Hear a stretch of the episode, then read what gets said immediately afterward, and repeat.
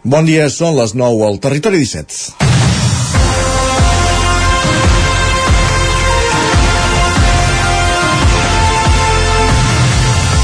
Cada nou cas de suïcidi és un fracàs conjunt del sistema i la societat per no haver-lo previngut, per no haver detectat el risc i per no haver pogut fer res perquè finalment es consumés. Tal com explicàvem ahir, a les comarques de la Catalunya Central hi ha hagut 32 persones que s'han suïcidat des de principis d'any. El 2022 en van ser 35. És una dada preocupant i que ens ha de fer reflexionar a tots plegats. Afecta tothom, persones grans que viuen una solitud no desitjada, però també és preocupant l'augment de casos entre joves. El recent baròmetre juvenil 2023, Salut i Benestar de la Fundació Mutua Madrilenya i Fat Joventut alertava del deteriorament de la salut mental dels joves. En un estudi en què es van entrevistar més de 1.500 joves d'entre 15 i 29 anys, un de cada quatre afirmava haver experimentat alguna vegada idees suïcides, és a dir, el 23,8%, i un 11,3% hi pensen amb certa freqüència i un 13,8% tenen idees de suïcidi amb molta freqüència o contínuament. Després de la pandèmia s'ha greujat entre les noies aquesta ideació suïcida, un col·lectiu en el qual ha crescut un 200%. Les xarxes socials i les tecnologies hi tenen molt a veure en un moment crític com l'adolescència, en què necessitem aquest sentiment de pertinença a un grup, com reconeixia la psicòloga Anaïs Lara durant la tercera edició de les jornades interdisciplinàries de salut mental a la Catalunya Central a l'Auditori Maria Vila de Dalt del Sucre de Vic la setmana passada, divendres. Des d'Osona hi ha la voluntat de crear un model predictiu que gràcies a la informació acumulada fins ara i amb l'ús de la intel·ligència artificial permeti detectar-ho a temps. I és que el suïcidi és un problema de salut pública que ens interpel·la a tots. També a cadascun de nosaltres, que podem detectar al nostre entorn persones amb un problema i actuar. Cal avançar en els protocols de detecció precoç i també en l'atenció al voltant de les víctimes. Per cada persona que se suïcida es calcula que n'hi ha com a mínim altres sis familiars i entorn relacional que se'n veuen íntimament i profundament afectades. Hem de tenir resposta i recursos per atendre aquests supervivents d'una mort per suïcidi. És dimarts, 24 d'octubre de 2023, al moment de començar el Territori 17 a la sintonia de la veu de Sant Joan, Ràdio Cardeu, Ona Codinenca, Ràdio Vic, el 9 FM i ens podeu veure també, ja ho sabeu, a través de Twitch, YouTube, Televisió de Cardedeu, el 9 TV i la xarxa més. Territori 17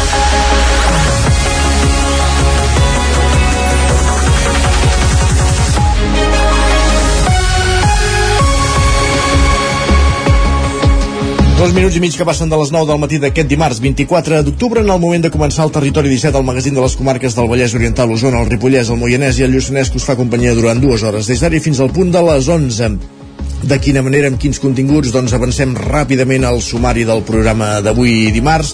En aquesta primera mitja hora ens dedicarem a aprofundir amb les notícies més destacades de les nostres comarques, les notícies del territori 17, en connexió amb les diferents emissores que dia a dia fan possible aquest programa. També farem un cop d'ull al cel amb en Pep Acosta, el nostre home del temps, el tenim a Ona Codinenca, i acte seguit anirem fins al quiosc amb en Sergi Vives des del 9 FM per repassar quines són les portades dels diaris del dia. A partir de dos quarts de 10 pugem al tren, com cada dia amb l'Isaac Muntades a la Trenc d'Alba, ja sabeu aquest tren que aquests dies va coix, perquè un tram de, un, un tram de la línia s'ha de fer amb autocar per les obres, per una bona notícia, sens dubte, al final, al cap i la fi, les obres, les esperades obres de desdoblament de la línia R3, la Barcelona, Granollers, Vic, Ripoll, Puigcerdà, el desdoblament en un tram molt curt, ja ho sabeu, ara mateix, de 20 quilòmetres entre Parets i la Garriga, però tot anirà venint. Com cada dia, per, per tant, recollirem la crònica dels oferts usuaris de la línia, la tren d'Alba, amb l'Isaac Montades a dos quarts de deu, i tot seguit a l'entrevista ens quedarem a la veu de Sant Joan per conversar amb Jordi Terré, tècnic d'empresa i comerç de l'Uyer, del Ripollès, per parlar de l'esotèric Shopping Night, la Fira de les Bruixes de Ripoll, que se celebra aquest cap de setmana. Cada any ja s'ha anat consolidant el calendari el cap de setmana prèvia a Tots Sants. Esotèric Shopping Night aquest cap de setmana a Ripoll i acte seguit ens n'anirem fins a Castellterçol a trepitjar el carrer amb en Roger Rams des d'Ona Codinenca i avui per visitar el primer coworking cobra el, el Moianès.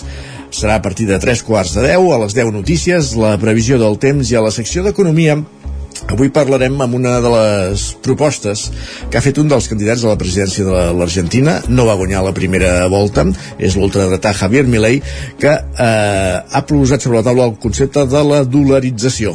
En parlarem amb en Joan Carles Arredondo a partir d'un quart d'onze del matí el cap d'economia del 9-9 del Vallès Oriental. I a la darrera mitja hora primer farem un cop d'ull a Twitter i acabarem el programa amb el podcast del racó de la pensada, la Maria López i avui parlant de relacions tòxiques i dependència emocional. 5 minuts que passen de les 9 del matí. Aquest és el menú del territori 17 d'aquest matí de dimarts i sense més el que fem és posar-nos a servir-nos. Ens posem en dansa amb les notícies del territori 17. Territori 17.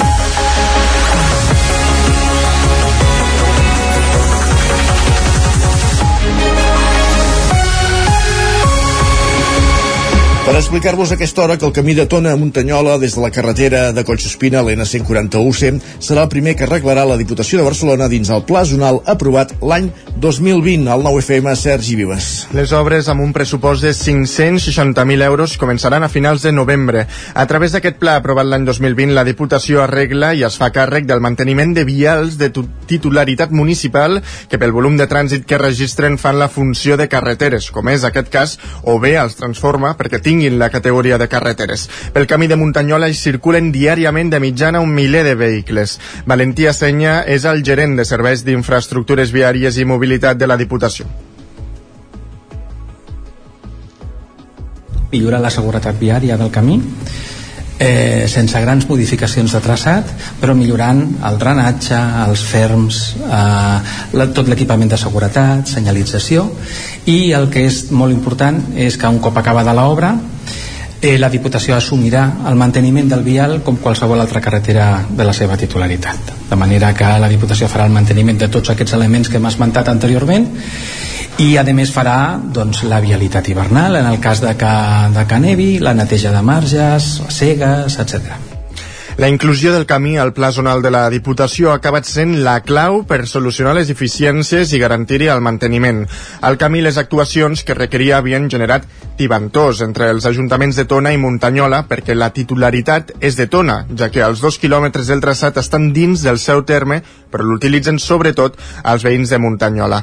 Carles Morera és l'alcalde de Muntanyola i Lluís Gès l'alcalde de Tona vaig ser molt crític amb l'Ajuntament de Tona de, de l'anterior legislatura no, sinó l'altra, la legislatura d'en Salom uh, el que és Muntanyola havia fet sempre les inversions de manteniment uh, inversions de camins a través de convenis doncs s'havien fet doncs, les diferents inversions per guanyar en seguretat. Uh, la legislatura passada doncs, l'Ajuntament de Tona va poder posar doncs, unes valles de, de seguretat que, se, que demanàvem des de feia temps. És una obra, la veritat és que molt demanada i, i, i molt necessària. per nosaltres era una càrrega important per la poca intensitat d'ús. Llavors el fet de que se'n faci càrrec la Diputació doncs ens descarrega, ens dona tranquil·litat i evita certes tensions que ni que fossin voluntàriament i poguessin haver Muntanyola. A Osona, el Pla Zonal de la Diputació de Barcelona també inclou la transformació en carretera del camí entre Folgueroles i Tavernoles i del camí de les Ferreres a Sant Bartomeu del Grau. Segons la Diputació, aquestes obres podrien començar durant l'any vinent o bé a principis del 2025.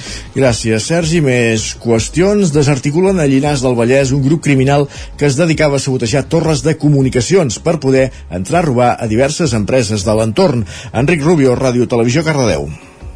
Així és, Isaac, bon dia. El grup disposava d'una alta qualificació i deixava inutilitzades torres de comunicació de les companyies que volien assaltar, inhibint així les possibles senyals d'alarma que es poguessin activar durant el fur. Els detinguts han estat tres persones d'entre els 23 i els 31 anys i han estat fruit de dues investigacions policials iniciades arran de les denúncies per sabotatges a torres de comunicació de l'àrea de Girona que van tenir lloc aquest mes d'agost i vuit robatoris amb força empreses amb el del juliol i l'octubre, d'enguany a empreses de l'àrea de Girona, el Bages i el Maresme. Els Mossos van esperar fins al passat 16 d'octubre, un cop van tenir recollits els suficients indicis per acreditar la participació dels investigats, moment en què es va dur terme l'explotació del cas. Es van fer dues entrades i escorcolls a Blanes i Llinars del Vallès, on es van intervenir telèfons i tot el material que tenia la banda per poder fer els sabotatges. Va ser el dia 19 d'octubre quan els detinguts van passar a disposició judicial davant del jutjat d'instrucció de Figueres per robatoris amb força i el dia 20 d'octubre davant del jutjat d'instrucció d'Olot pels danys a les torres de telecomunicacions. La investigació continua oberta a l'espera que es puguin desprendre indicis de participació dels investigats amb més fets o d'altres persones. Gràcies, Enric. Més qüestions. Ens quedem al Vallès Oriental perquè l'associació Drets pel Poble de Sant Feliu de Codines es presenta en societat amb l'objectiu de recollir les queixes dels veïns relacionades amb la salut pública, amb la sanitat pública.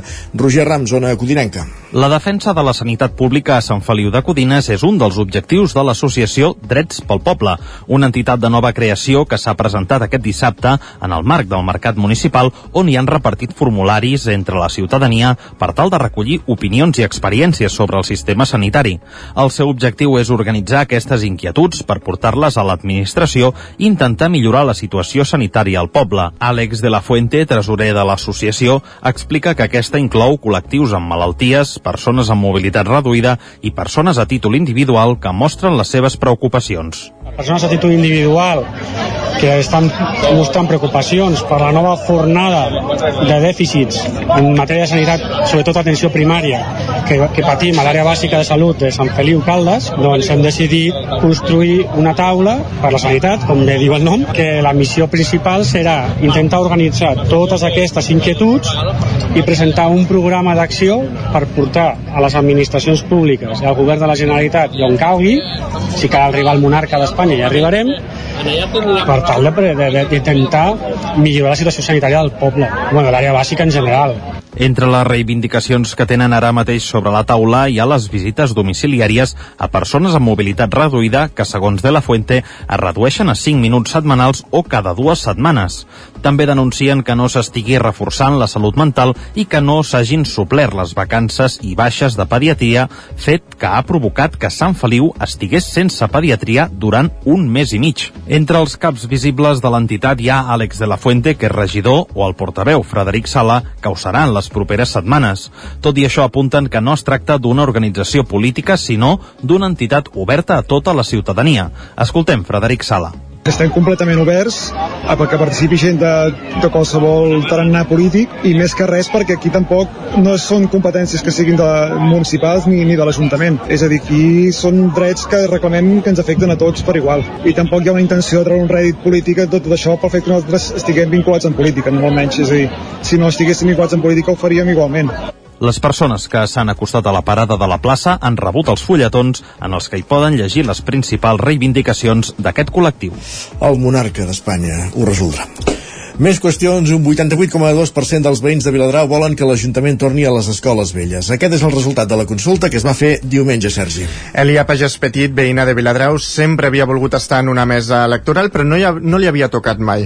Es va oferir voluntària i va estar de sort. Aquest diumenge va passar el dia al centre de serveis com a vocal de la mesa que es va habilitar per la consulta en què els veïns havien de decidir on volien que s'ubiqui l'Ajuntament.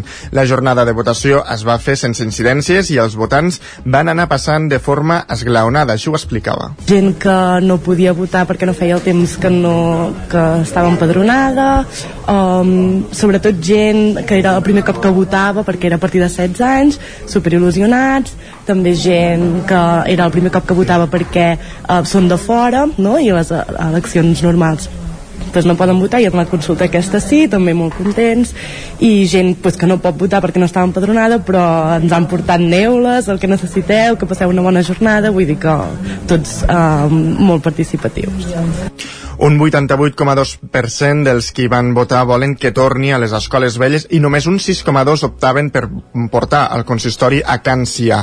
De les 914 persones cridades a votar n'hi van participar 332, un 36% del total.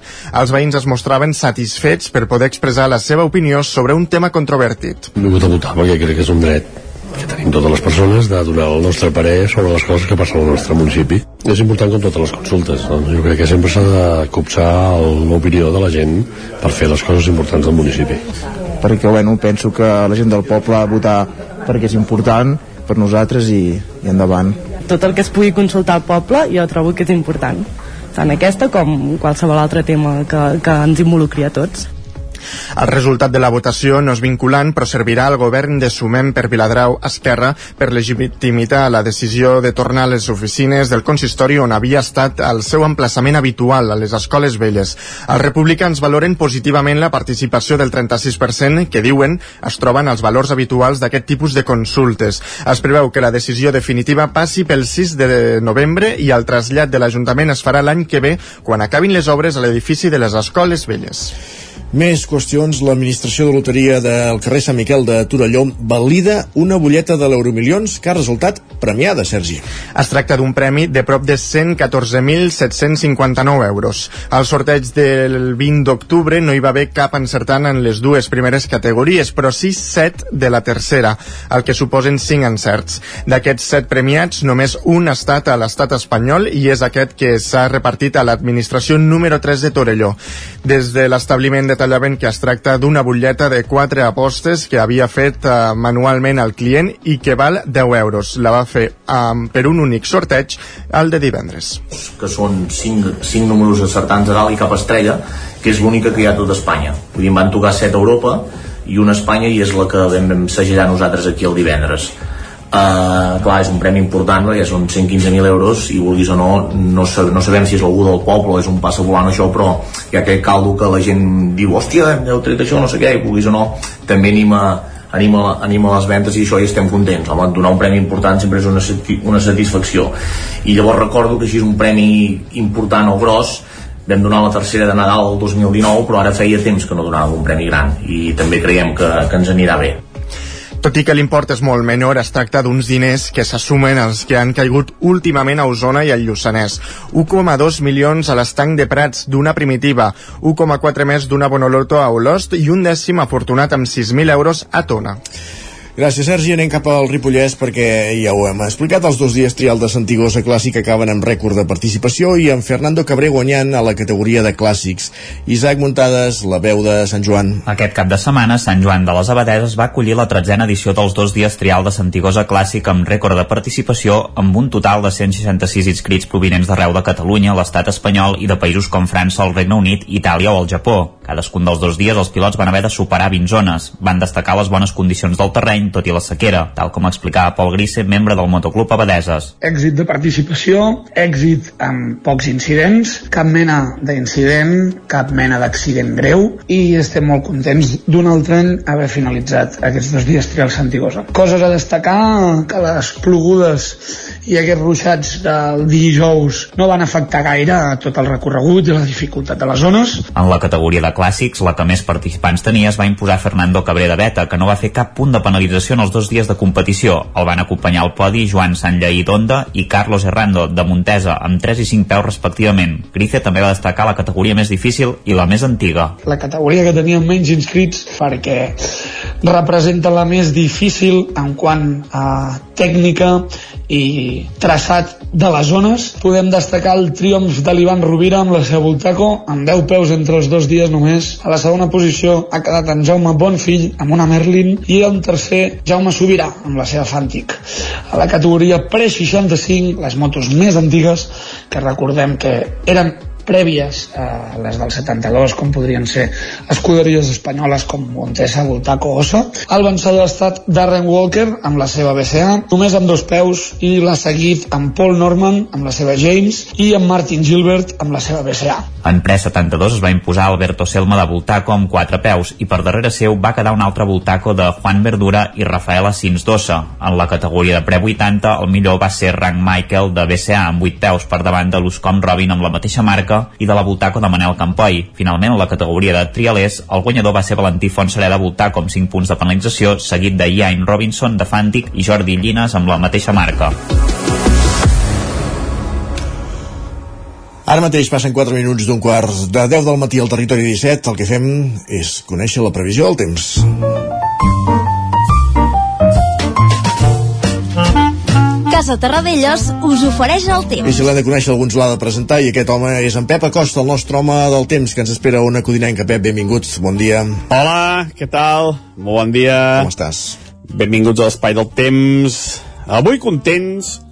Ens ha passat un petit front aquesta nit i ha deixat algunes precipitacions, eh, la majoria entre el 0 i els 5 litres, però les zones més afortunades s'han superat aquests 5 litres. Eh, es pot dir que gairebé ha pogut a totes les poblacions eh, i boscos de les nostres comarques. Eh, bona notícia, la notícia és aquesta, eh, que ha sigut eh, gairebé un vist no vist, eh, poca estona, eh, en general poca puja, però bueno, millor això uh, ja ho diem sempre, eh, que a casa, a casa del pobre uh, una alegria, encara que sigui petita, i és molta alegria. Per tant, estem contents, aquesta nit ha plogut a moltes, moltes zones de les nostres comarques. I també eh, hi ha una baixada de les temperatures. Ahir les mínimes es van enfilar amb aquests vents de sud i avui es nota una refrescada general. La majoria de mínimes entre els 10 i els 15 graus, òbviament a les zones més fredes, per sota ja d'aquests 10 graus. Eh, va augmentant la, la nit, eh, cada vegada és més llarga, eh, i jo crec que hauria de fer ja encara una mica més de fred del que fa actualment. Esperem que també arribi el fred, arribi la pluja, a veure si arriba tota l'hora millor. Però bueno, de moment no, no es veu per enlloc una pluja eh, important i general. De moment no es veu per enlloc. Eh, aquest front i és història, i ha passat, s'ha anat eh, cap al nord, cap a França, i ens entra una mica vent, una mica de tramuntana, eh, poca cosa, però sí que farà baixar temperatura i també farà que avui tinguem un dia força, força estable. Molt de sol, només alguna nuvolada cap al Pirineu, en principi sense precipitacions, i unes temperatures que baixaran una mica respecte als d'ahir. Ahir eh, moltes màximes. Ahir entre els 24, 25, 26 graus al migdia eh, s'estava molt, molt suau l'ambient. Avui baixaran les temperatures amb aquesta mica d'entrada de vent de nord, moltes màximes la majoria entre els 20 i els 22 graus eh, més o menys voltant aquests valors. Eh, temperatures eh, no gaire contrast entre el dia i la nit. En definitiva bastant normals per l'època de l'any. Um, de cara als pocs dies uh, continuar aquest, aquest, uh, aquesta davallada i pujar temperatures serà una setmana bastant estable. Només algun front sembla que ens pot donar afectar de cara al cap de setmana. Però tornarà a ser no molt, no molt intens i no molt, no molt important al front. No hi ha manera, com dic, que vingui un temporal de puges importants que és el que hauria de venir Adeu. Gràcies, Pep. Uh, notícies no del tot positives les que ens agradaria sentir, però és el que ens porta el temps. Parlem d'aquí una estoneta, ara anem cap al quiosc. Casa Tarradellas us ha ofert aquest espai. 8 minuts i seran dos quarts de 10 del matí.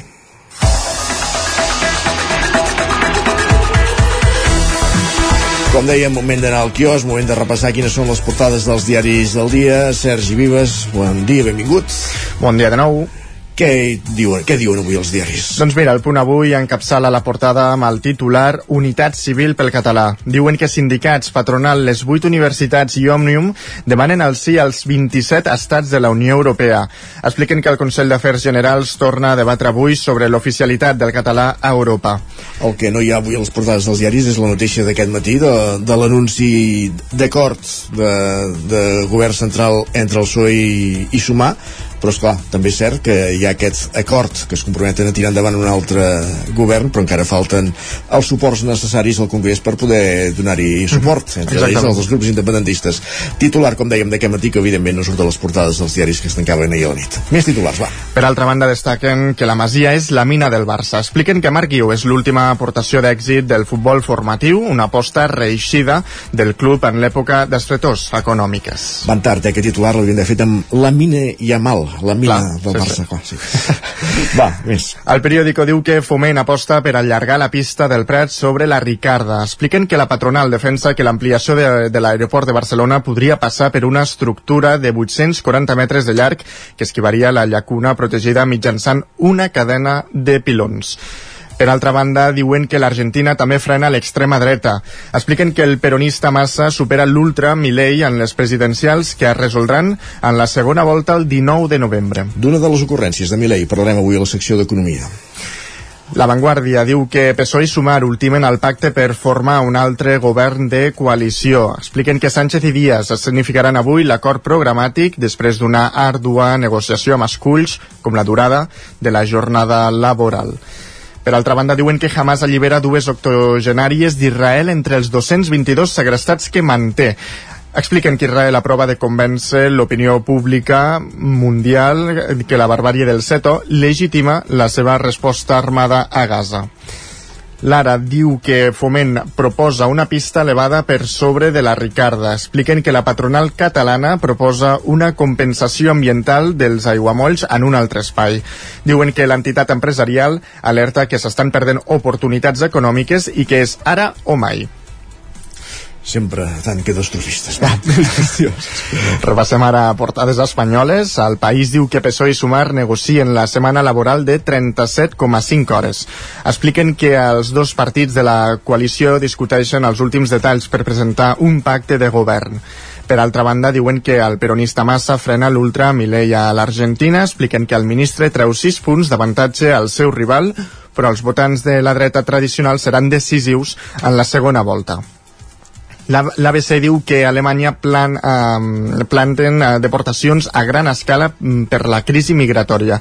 Expliquen que el canceller Scholz anuncia una reforma legal per agilitzar la repatriació d'irregulars entre el col·lapse del sistema d'ajuda. El Mundo diu que Espanya lidera el, que la Unió Europea aixequi les sancions al xavisme. Expliquen que Álvarez vol revisar l'embargament en línia amb Estats Units. Diuen que Maria Corina Machado aconsegueix un 93% a les primàries de l'oposició a Maduro. La Razón diu que el relator és l'últim gran escull de Puigdemont. Expliquen que l'expresident català vol insistir davant els seus en que ell cobra per adelantat. Diuen que els independentistes asseguren que en la negociació s'ha recuperat la confiança. I avui volia destacar una, una de les portades que no ho fem mai. Ja, ja, sorprèn-me. La de l'esport. Què diu? I veiem a Xavi Hernández tocant uh, la guitarra elèctrica Carai. amb el titular Xavi marca el ritme s'ha de dir que aquesta foto eh, l'ha publicat el Barça a les seves xarxes socials per promocionar el nou merchandatge amb els Rolling Stones, però bueno, és, és, és la més divertida d'avui. Vas comprar la samarreta de 400 euros? Mm, no, no els tinc, aquests jo diners, tampoc. Eh? per tant, tampoc tens la samarreta. No. Uh, repassem ràpidament digital, Sergi. Uh, L'edició d'Osona i el Ripollès del 99.cat. Doncs com ho explicàvem, les obres al camí de Tona Muntanyola començaran a finals de novembre. I a l'edició del Vallès Oriental. Doncs que la policia local de les franqueses posa en marxa la unitat canina. Perfectíssim, moltíssimes gràcies. A tu. I el que fem tot seguit al Territori 17 és una petitíssima pausa i tornem de seguida pujant al tren i amb l'entrevista sobre l'esotèric Shopping Night de Ripoll. El nou FM, la ràdio de casa, al 92.8. Quan tingui un problema amb la seva caldera, vagi directament a la solució. Truqui sempre al servei tècnic oficial de Saunier Duval i despreocupis, perquè som fabricants i coneixem les nostres calderes peça a peça. I ara aconseguiu fins a 300 euros en canviar la caldera. Informeu-vos al 910 77 10 50 o a saunierduval.es. La qualitat de les teves impressions és important per tu? Estàs cansat que els colors i les imatges no surtin com t'esperes? A Impremta Mater disposem de la tecnologia més avançada i els millors professionals per aconseguir impressions d'alta qualitat. Fem tota classe d'impresos amb acabats professionals. Llibres, catàlegs, revistes, tesis, calendaris, enquadernacions... I a més, disposem del servei d'impressió digital en gran format, roll-ups, lones, pòsters i molt més. Impremta Mater. Ens trobaràs a la carretera de Sant Hipòlit 23 de Vic o impremtamater.com. El cor del Montseny torna a fer olor de castanyes. El 28 i 29 d'octubre arriba la 28a Fira de la Castanya de Viladrau. Vine a tastar les castanyes torrades o a participar als tallers i tas de cuina amb la castanya de Viladrau. També podràs conèixer productes de quilòmetre zero elaborats a Viladrau o participar a les sortides guiades pels voltants del poble. Tot animat amb espectacles familiars i música pels carrers. El 28 i 29 d'octubre torna a la Fira de la Castanya de Viladrau. T'hi esperem. Amb Pradell estalvio energia i cuido la meva butxaca i el medi ambient. Posa't en mans a Pradell, són experts en calderes de gas i condensació, estufes de pèl·let, energia solar, terres radiants i geotèrmia. Pradell instal·la calderes de biomassa per a particulars i per a empreses. Si vols estalviar un 50% en consum, contacta amb Pradell i passa't a les energies renovables. Pradell, som a l'Avinguda Països Catalans 27 de Vic. Telèfon 93 885 11 97. Pradell.cat. Per moure't, lloga un cotxe ALR. Per moure la família, lloga un minibús ALR. Per moure coses, lloga una furgoneta ALR. Per moure la casa, lloga un camió ALR. Lloguer de cotxes, furgonetes i camions ALR. Ens trobaràs al carrer Francesc Sant Climent 83 de Vic i també a Olot i Manresa. Informa't en el 93 888 60 57 o bé consulta el web alr.cat. L'infopodcast del 99 amb Sílvia Pedret. Cada dia et donem les claus de les notícies més rellevants de casa nostra. Vivim en una comarca que s'està demostrant pionera en transició. Desperta't cada dia amb l'infopodcast del 99. Aquesta setmana tornen a ser notícia els pantans perquè han baixat... El trobaràs a dos quarts de vuit del matí al 99.cat, Spotify, iVox i, si ho vols, te l'enviem directament al mòbil. Subscriu-te als canals de WhatsApp i Telegram del 99. Soc Sílvia Pedret. Comencem. Territori 17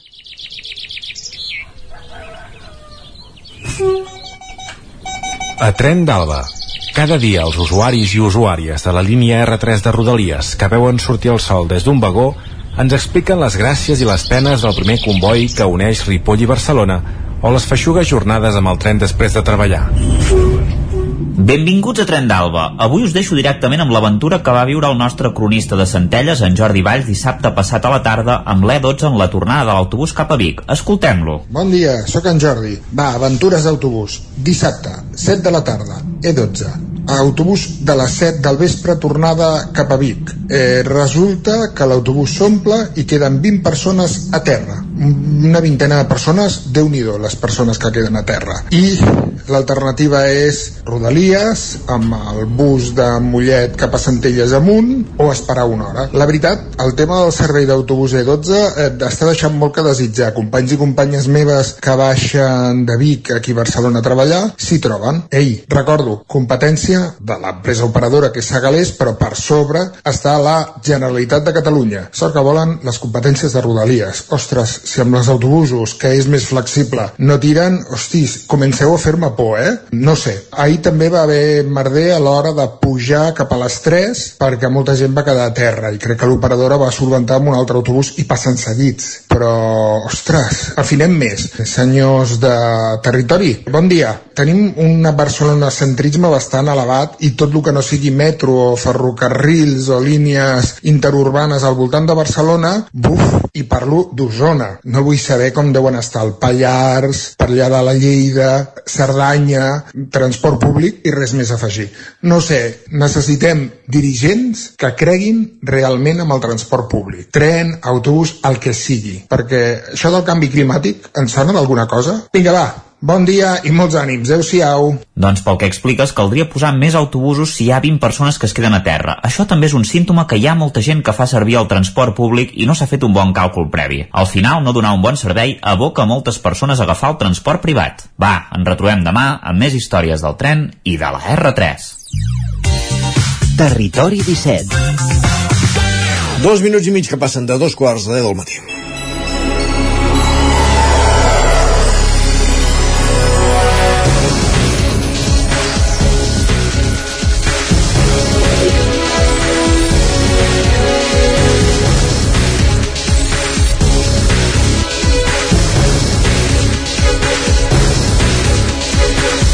Quan s'acosta a Tots Sants és obvi que també es parla de Halloween, d'esperits, de bruixes, de fantasmes o d'esoterisme.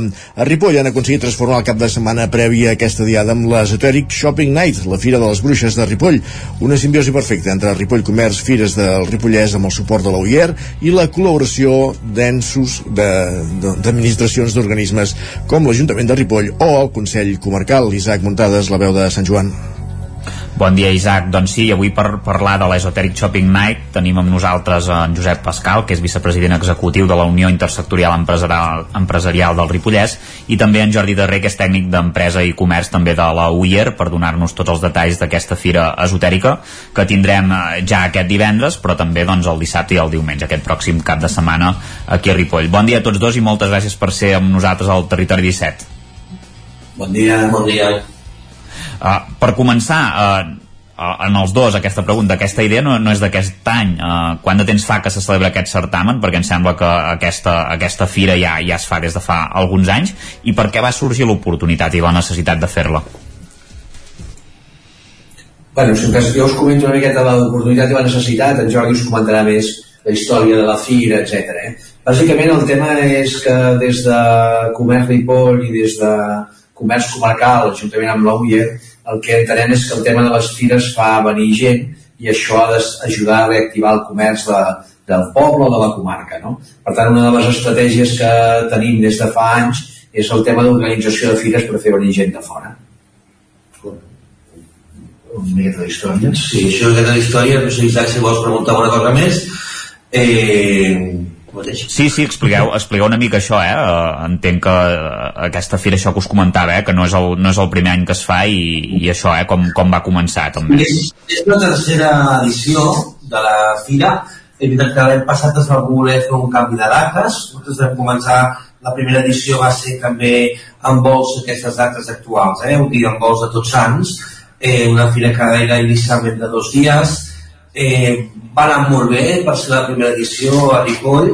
Eh, llavors es va voler fer el segon any eh, per, per recomanació també inclús de paradistes i dels professionals esotèrics per fer-ho abans de Sant Joan. El que passa és que amb el temps i, i la climatologia que hauríem de tenir que està boja, de cop estàs a 10 o de cop estàs a 40 eh, ens va agafar uns 3 dies de fira de prop de 45 graus i, i va ser una miqueta caòtica sí. i llavors vam agafar i vam tornar als, als orígens i ens presentem amb una fira aquest any, una fira eh, on ens visiten professionals del món esotèric eh, alguns ells coneguts d'àmbit mediàtic de tota la península de la illa de Visa i també acompanyat del que seria tot de, de parades no? de producte esotèric, també artesania i també gastronomia. Uh -huh. uh, Expliqueu-nos una mica per quins espais uh, quins espais ocuparà la fira es, es, i es vol potenciar el barri vell i el comerç del centre de, de la vila eh, bueno, bàsicament eh, sí, com dius es, es potencia el comerç vull dir que les fires que fem des de, des de Ripoll Comerç eh, són fires per potenciar el que seria el comerç local i òbviament s'han de fer on hi ha més trànsit de comerç local no? Llavors, eh, a l'eix, per dir alguna cosa, és la plaça Sant Eudal, carrer Sant Pere, plaça de la Lira, eh, carrers adjacents a plaça de la Lira, plaça Gran, eh, que és la zona on, on hi ha un comerç considerable. Òbviament, eh, també hi ha comerços fora d'aquest del nucli, on eh, també faran presència els que ho han decidit, eh, fer presència a tot el recorregut final amb la seva ja, implantació de parada al mig del recorregut. Uh -huh. En tot aquest espai que ara, que ara comentava Jordi, uh, quantes parades hi tindrem? De, de què seran sobretot? Què hi podrem trobar en aquesta Esoteric Shopping Night? Mira, actualment, eh, tot i que l'última informació van dir 60, estem parlant d'unes 70 parades, eh, més a més el comerç local obert, restaurants oberts, val? Eh, i llavors trobem eh, el, que, el que crida més l'atenció és el professional esotèric, no? que tens des de vivents, eh, tens des de clarividència, tarot, eh, gent que tira per lectura amb runes, lectura de mans, lectura d'ulls, i aquest any també doncs, tenim hipnosi i llavors tenim teràpies alternatives, eh? com pot ser per exemple Reiki, no? que és una de les teràpies, o altres teràpies i, i, i tal. Això és el que crida més l'atenció, però òbviament tot, tot això ho acompanya una sèrie d'activitats eh, que fan els Diables de Ripoll, que són protagonistes en aquesta fira, ja sigui amb aparicions de Cercavila o amb la cremada i el, el ritual de la bèstia, eh, que cremen el gall, Ripoll, o eh, tot el que són les parades que envolten, eh, que ja et dic que ja sigui d'incet, ja sigui d'espelmes, parades de, ritual, parades de rituals, eh, parades de, de diferents tipus vinculats a l'esotèric i alguna, com he dit anteriorment, vinculat doncs, a l'artesania o alimentació. -huh. Una, un dels actes més destacats, per dir-ho així, seria el calder dels desitjos. Ens podeu explicar una mica en, de, en què consisteix? Bueno, això cada any eh, va en base a la lluna. Eh? Aquest any resulta que el dissabte 28 tenim una eclipse de lluna, a més a més tenim una, una pluja de, de cels, no? que a més a més és el que és la més brillant, Llavors, aquest any es fa el ritual de la beneficialitat dels desitjos i l'últim dia la, la cremació dels infortunis. Va? La, hi haurà un dia que hi haurà, hi haurà un calder, en aquest calder s'hi posaran desitjos després de la benedicció d'aquest calder, i la gent posarà el que vol potenciar, el que vol que millori el, els seus desitjos de vida i l'últim dia es farà un ritual eh, que ho farà eh, l'Esther, que és una bruixa d'Eivissa que hi és present des del primer dia amb nosaltres, ella amb aquesta fira, i llavors també l'últim dia farà un ritual per cremar els infortunis que són els infortunis, allò que pots treure de sobre no? farà un paper escriure el que tu no vols que pots treure de sobre ja sigui temes familiars, temes personals, temes de feina el que sigui i es farà un ritual per cremar això també sol tenir bastant d'èxit Uh -huh. També, a més a més, una cosa que sol tenir èxit és fer activitats pels més petits, pels més menuts. Hi ha forces de tallers infantils no? durant uh, aquests tres dies. No sé quins es faran, quan i de què, i de què aniran. Sí, hi ha tres tallers infantils, un per dia. Eh, per exemple, el primer, el primer és, eh, fan, fan uh, figures amb agulles d'estendre, però figures vinculades a tot el que seria també el món esotèric, si ratpenats, i animals així. I llavors hi ha el segon i el tercer, que un és dissabte, l'altre és diumenge, eh, amb un fan eh, barrets de bruixos o bruixots i l'altre per l'escombra, no?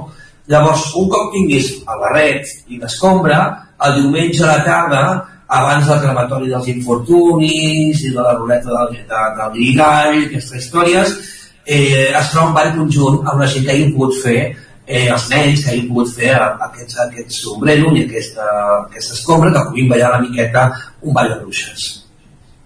Mm -hmm. Ens agradaria eh, aprofundir en algun dels aspectes que ens apuntaves abans, Jordi, de, sobretot les activitats de, dels Diables, no? la cerca vila, l'espectacle en foc amb els Diables, eh, són propostes que també força, força espectaculars, no?, que podem veure durant aquests tres dies a, a Ripoll.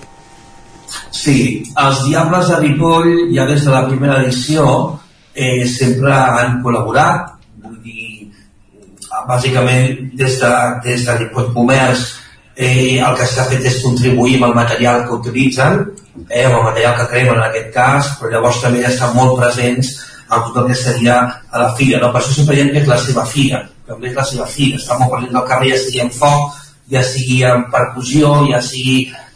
Llavors, un dels actes importants és aquesta, eh, aquest, aquest ritual no? de la cremada de la bèstia, no? que és a Vall de Ripoll, i que es fa a la plaça de la, Lira, a la plaça Perdona de la Llibertat val?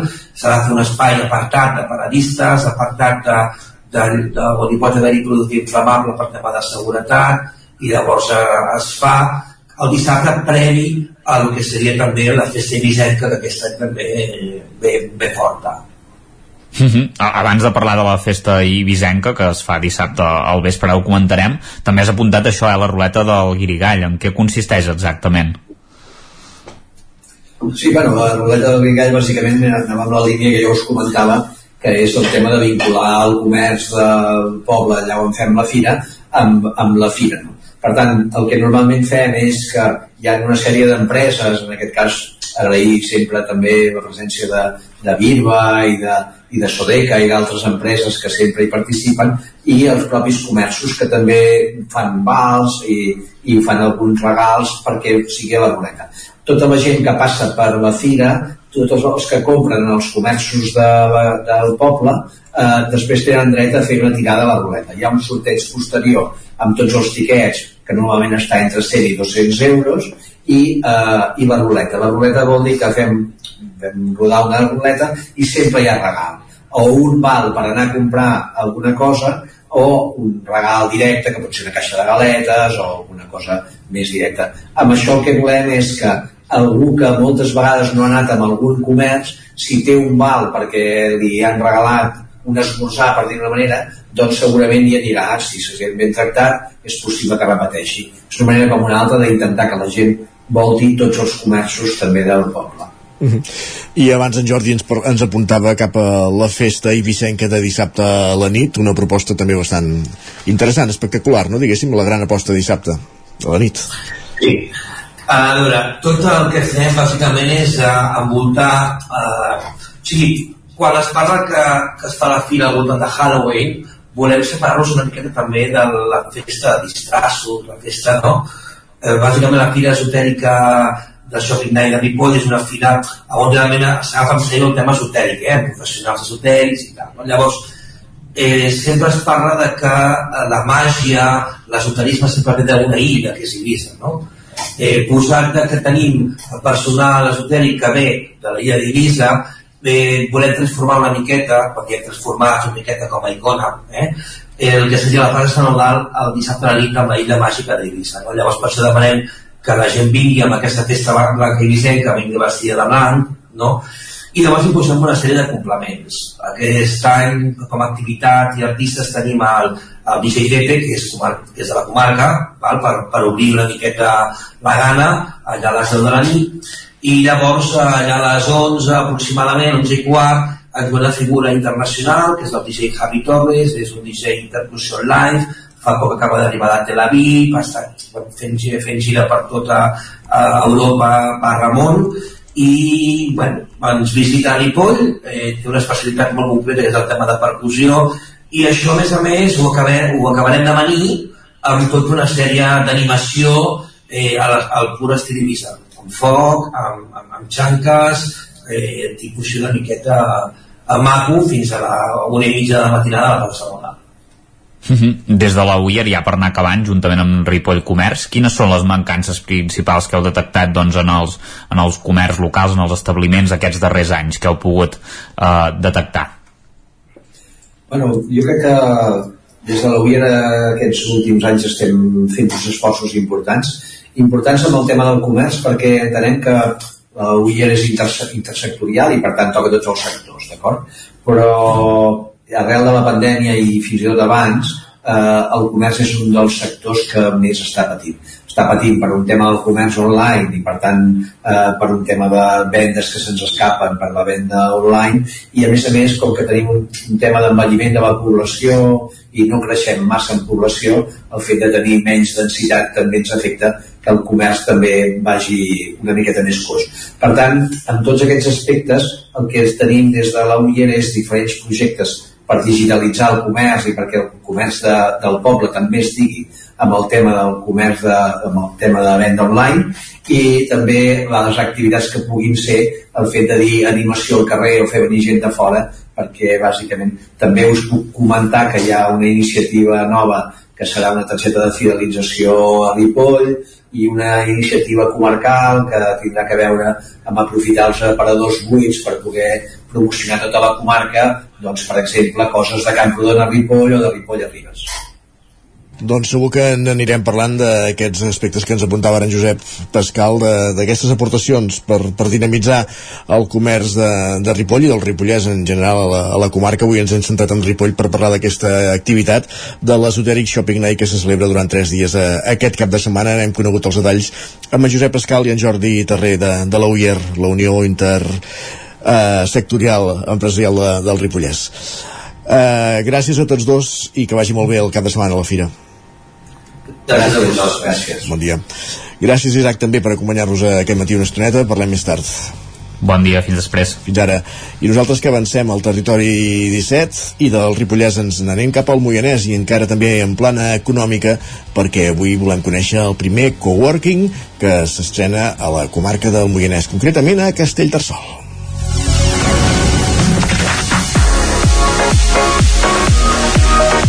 Territori 17 3 minuts que passen de 3 quarts de 10 del matí.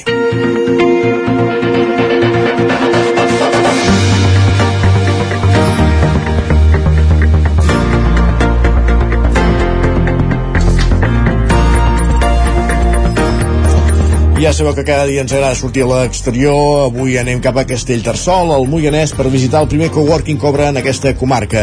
En Roger Rams, dona codinenca, s'hi ha desplaçat, s'ha desplaçat fins a aquest coworking, aquest espai que ha obert les portes aquest dissabte amb el nom de La Nau. Roger Rams, zona codinenca, desplaçat a Castellterçol. Benvingut, bon dia. Hola, què tal? Bon dia. Ens sentiu bé, Isaac? Perfectament. Com un Perfecte, doncs, eh, com deies, estem ara mateix aquí a la nau, aquest espai de coworking instal·lat al polígon industrial de Castellterçol, el primer coworking que obre en aquesta comarca rural i per això ens acompanya en Joan Bové, ell és creador i impulsor d'aquesta iniciativa. Joan, bon dia. Bon dia. Què tal? Uh, Explica'ns una mica com, com heu començat a caminar, perquè el Coworking La Nau ha obert les seves portes aquest mateix dissabte, fa res, fa unes hores. Uh, com, com ho esteu visquent tot plegat? Com, com va anar aquesta inauguració? Hola, bon dia. Uh, doncs la inauguració va anar molt bé, va venir molta gent. Uh, vam poder explicar el nostre projecte amb tots els que van venir i res, i en principi ja hem engegat i ja tenim un despatx llogat i una altra taula també llogada i també tenim una sala polivalent que ens venen a fer unes dones venen a fer ioga el, di, el dimecres dir molt bé, de moment molt bé la, la inauguració, per tant, com deies, va generar interès, va, va despertar aquest interès eh, aquí a Castellterçol i imagino que també la Rodalia, eh? Correcte. Uh, va venir gent de Mollà, va venir gent de, de Castellcí, Castellterçol, també va intervenir el Xavi Comelles, que és el regidor d'empresa de, de l'Ajuntament de Castellterçol, i sobretot això vam poder explicar què és el, la nau, què volem que, que sigui, i com està composat tots els espais i, de, i vam acabar amb un petit vermut musical que tot va anar molt bé Uh, jo, Joan, uh, et volia preguntar com, la, la típica pregunta, eh? com sorgeix tot plegat? És a dir, com un dia se't passa a tu pel cap obrir un, cas, un coworking en un lloc com Castellterçol, amb poc més de 2.600 habitants, un poble de, diguem, del Moianès, és una comarca rural, queda força apartat de, dels grans pols eh, empresarials, també d'estudiants. De, no sé com, com, com sorgeix tot plegat. Doncs va sorgir primera perquè teníem un espai aquí a, a, a Polígon. Uh, vam veure uns inputs que per, per, per intentar crear un, un espai d'aquestes característiques vam descobrir que, que no, hem, no, hem, no, no hem inventat la sopa d'all, vull dir que el Moianès és una comarca rural eh, que a tot Catalunya hi ha 42 coworkings a les zones rurals, que vam quedar bastant sorpresos amb això, nosaltres som el 43è, per tant, amb casuístiques semblants, funcionen. Llavors ens, ens vam tirar a la piscina perquè creiem que és una, una necessitat, de, sobretot de la comarca. Un espai, tenir un espai d'aquestes característiques. Ara apuntaves, eh, havíem rebut inputs, havíem rebut, no? Eh, jo volia preguntar, aquest feedback exactament, què és el que la gent us demanava? És a dir, realment heu notat que hi havia una, una demanda per part de qui? Sobretot eh, doncs petites empreses, eh, autònoms, que gent que estava cansada de treballar a casa i que volien tenir un espai on poguessin compartir sinergies, on podien cooperar, on poden tenir espais de treball, tant, més, més, més eh, despatxos tancats, eh, ten, tenim sales de reunions, etc. Vull dir, sur, sorgeix d'això, de que la gent, molts ens deien això, que, que seria necessari, seria necessari, i hem, hem entès que sí, que, que això era una necessitat. Mm. Ara apuntava sobretot el fet de sortir de casa, de tenir un espai per treballar fora de casa. Eh, tot plegat sorgeix eh, amb la pandèmia? Sobretot arrel de la postpandèmia, correcte, sí, sí. sí, sí. I, I què és el que més la gent demana a l'hora de sortir de casa a treballar i venir a patar un espai com aquest? Què és el, el que la gent més us, us demana? Doncs sobretot això, eh, tenir un espai de treball eh, ampli, com el que tenim nosaltres tenim unes taules mm, grans eh, que tingui connexió a internet que tingui serveis que tingui totes les despeses incloses també de neteja de això, internet, aigua, llum, etc. Uh -huh. i sobretot espais que es puguin trobar compartir, que puguin anar a fer un cafè que puguin anar a fer això, generar sinergies Joan, eh, bon dia des de l'estudi. Eh, volíem demanar també una mica, descriure-nos una mica aquest, aquest espai. Abans ens parlàveu que ja teniu un despatx eh, llogat per entendre'ns i també una taula de treball. Quina capacitat té? Quan, qu eh, quantes empreses, autònoms, freelance podeu, podeu acollir en aquest, en aquest espai? Val. Eh, nosaltres podem acollir al voltant d'unes 20 persones de moment en la primera fase ens hem plantejat al voltant d'unes 20 persones Uh, els espais es composen de dues maneres. El primer són espais tancats, de, tenen diversa capacitat, i llavors tenim un espai obert, que seria la sala coworking, en el qual els usuaris comparteixen això, l'espai, entre tots, que, que són 11 taules, en aquest cas. Mm.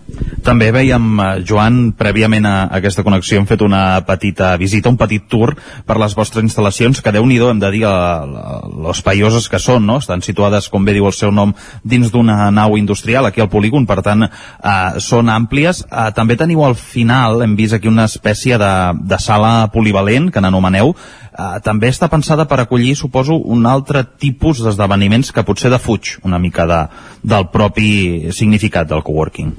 Correcte, perquè eh, un coworking va una mica més enllà de, de, de, pues de, de tenir un, un viver d'empreses o uns despatxos llogats o, o això. Llavors un coworking s'ha de... normalment es realitzen activitats, sobretot per dinamitzar l'espai, es, eh, sobretot es, es, es fomenta molt la, la formació, etc. Llavors, per, per tenir una, per, per intentar generar aquest tipus d'activitat, tenim una sala així que l'anomenem polivalent.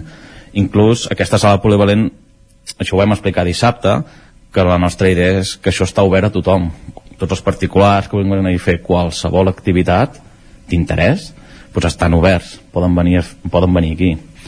I el que dèiem, per exemple, unes dones d'aquest poble ens venen a fer ioga en, eh, el dimecres a la tarda, doncs activitats que et dinamitzin l'espai. Uh -huh. uh, parlàvem també prèviament, abans de, de començar, una mica també del perfil de la gent que, que es desplaça fins aquí a, a la nau, si més no, de la gent que ja hi és i de la gent que hi pot ser en un futur. Parlàvem de, de que estem enclavats a Castellterçol, 2.600 habitants, tenim Mollà a poc més de 5 quilòmetres, tenim Sant Feliu de Codines a poc més de 7 o 8. Una mica suposo que la vostra idea també és la de ser un pol d'atracció no? per, la, per les empreses, pels autònoms, pels freelance, també per les associacions de, de pobles veïns. Correcte. Uh, de moment ens hem centrat molt al Moianès, perquè, com hem comentat, no n'hi ha cap. Uh, sabem que per proximitat Sant Feliu de Codines també és un és, és, és, és un pol de que vingui gent cap aquí i és molt potencial que pugui arribar a venir gent i evidentment eh, sí que és el primer coworking del Moianès però a més a més estem també treballant amb el Consorci del Moianès, que és el qui, que és la, l'ens que porta tota la part d'empresa dels 11 pobles que formen part del Moianès.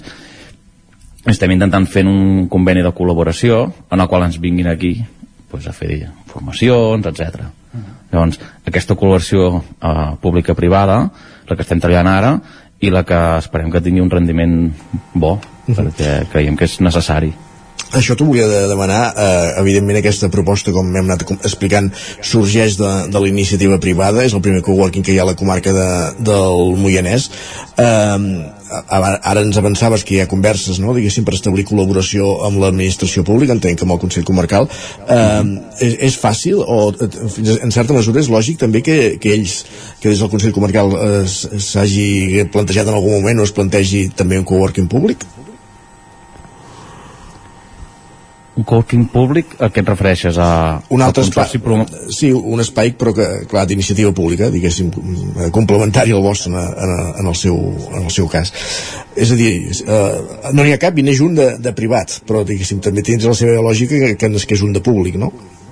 Sí, eh, podria passar um, són casuístiques diferents uh -huh. però sí, podria passar i evidentment eh, com més coworkings hi hagin també millor i l'important d'això és que puguem col·laborar tots entre eh, tots plegats, vull dir que al final eh, el que hem de fer és un bé comú està clar. De fet, en aquesta línia, Isaac, també eh, apuntàvem a, a l'inici que, en fi, que, que els coworkings, eh, segons ens apuntaven Joan, necessiten molt d'una persona que hi estigui darrere i, i dinamitzi. No sé, en aquesta línia, Joan, si ens pots explicar en què consisteix exactament aquesta figura. És a dir, eh, tu, a banda d'establir de, aquest eh, local, què és el que s'ha de fer? Quina és la tasca que hi ha al darrere per tal de, eh, diguem, impulsar eh, aquesta, aquest coworking? Primera, com dèiem, un coworking eh, la, la, una part molt important d'un coworking i, i la seva raó de ser és que es dinamitzin l'espai. Doncs l'espai vol dir realitzar sobretot activitats per aglutinar la gent i perquè d'alguna manera tinguin un sentiment de pertinença en el projecte, inclús eh, en aquest cas a la nau, no? Llavors, clar, necessitem... Nosaltres som dues persones, val? Eh, que entre uns i altres hem d'intentar eh, que, primera, que ajudem molt a difondre la gent que realment treballarà aquí eh, i sobretot això activitats que fagin de rea realitzar sinergies, qualsevol tipus d'activitat. Des de és que pot molta, és que un munt d'activitats. Jo m'està fent una formació amb l'associació de coworking rurals de Catalunya i, ostres, pots arribar a fer mil coses.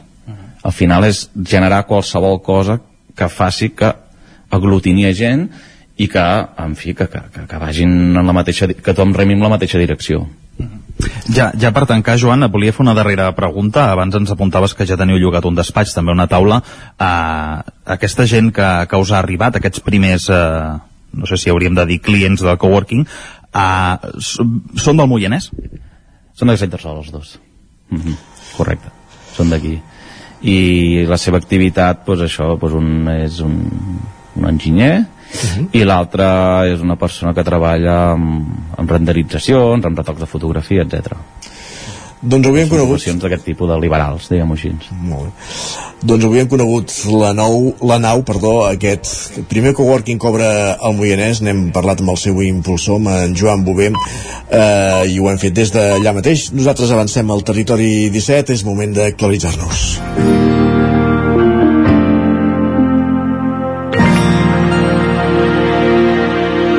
Perquè ara passen, res, mig minut de les 10 del matí. Territori 17.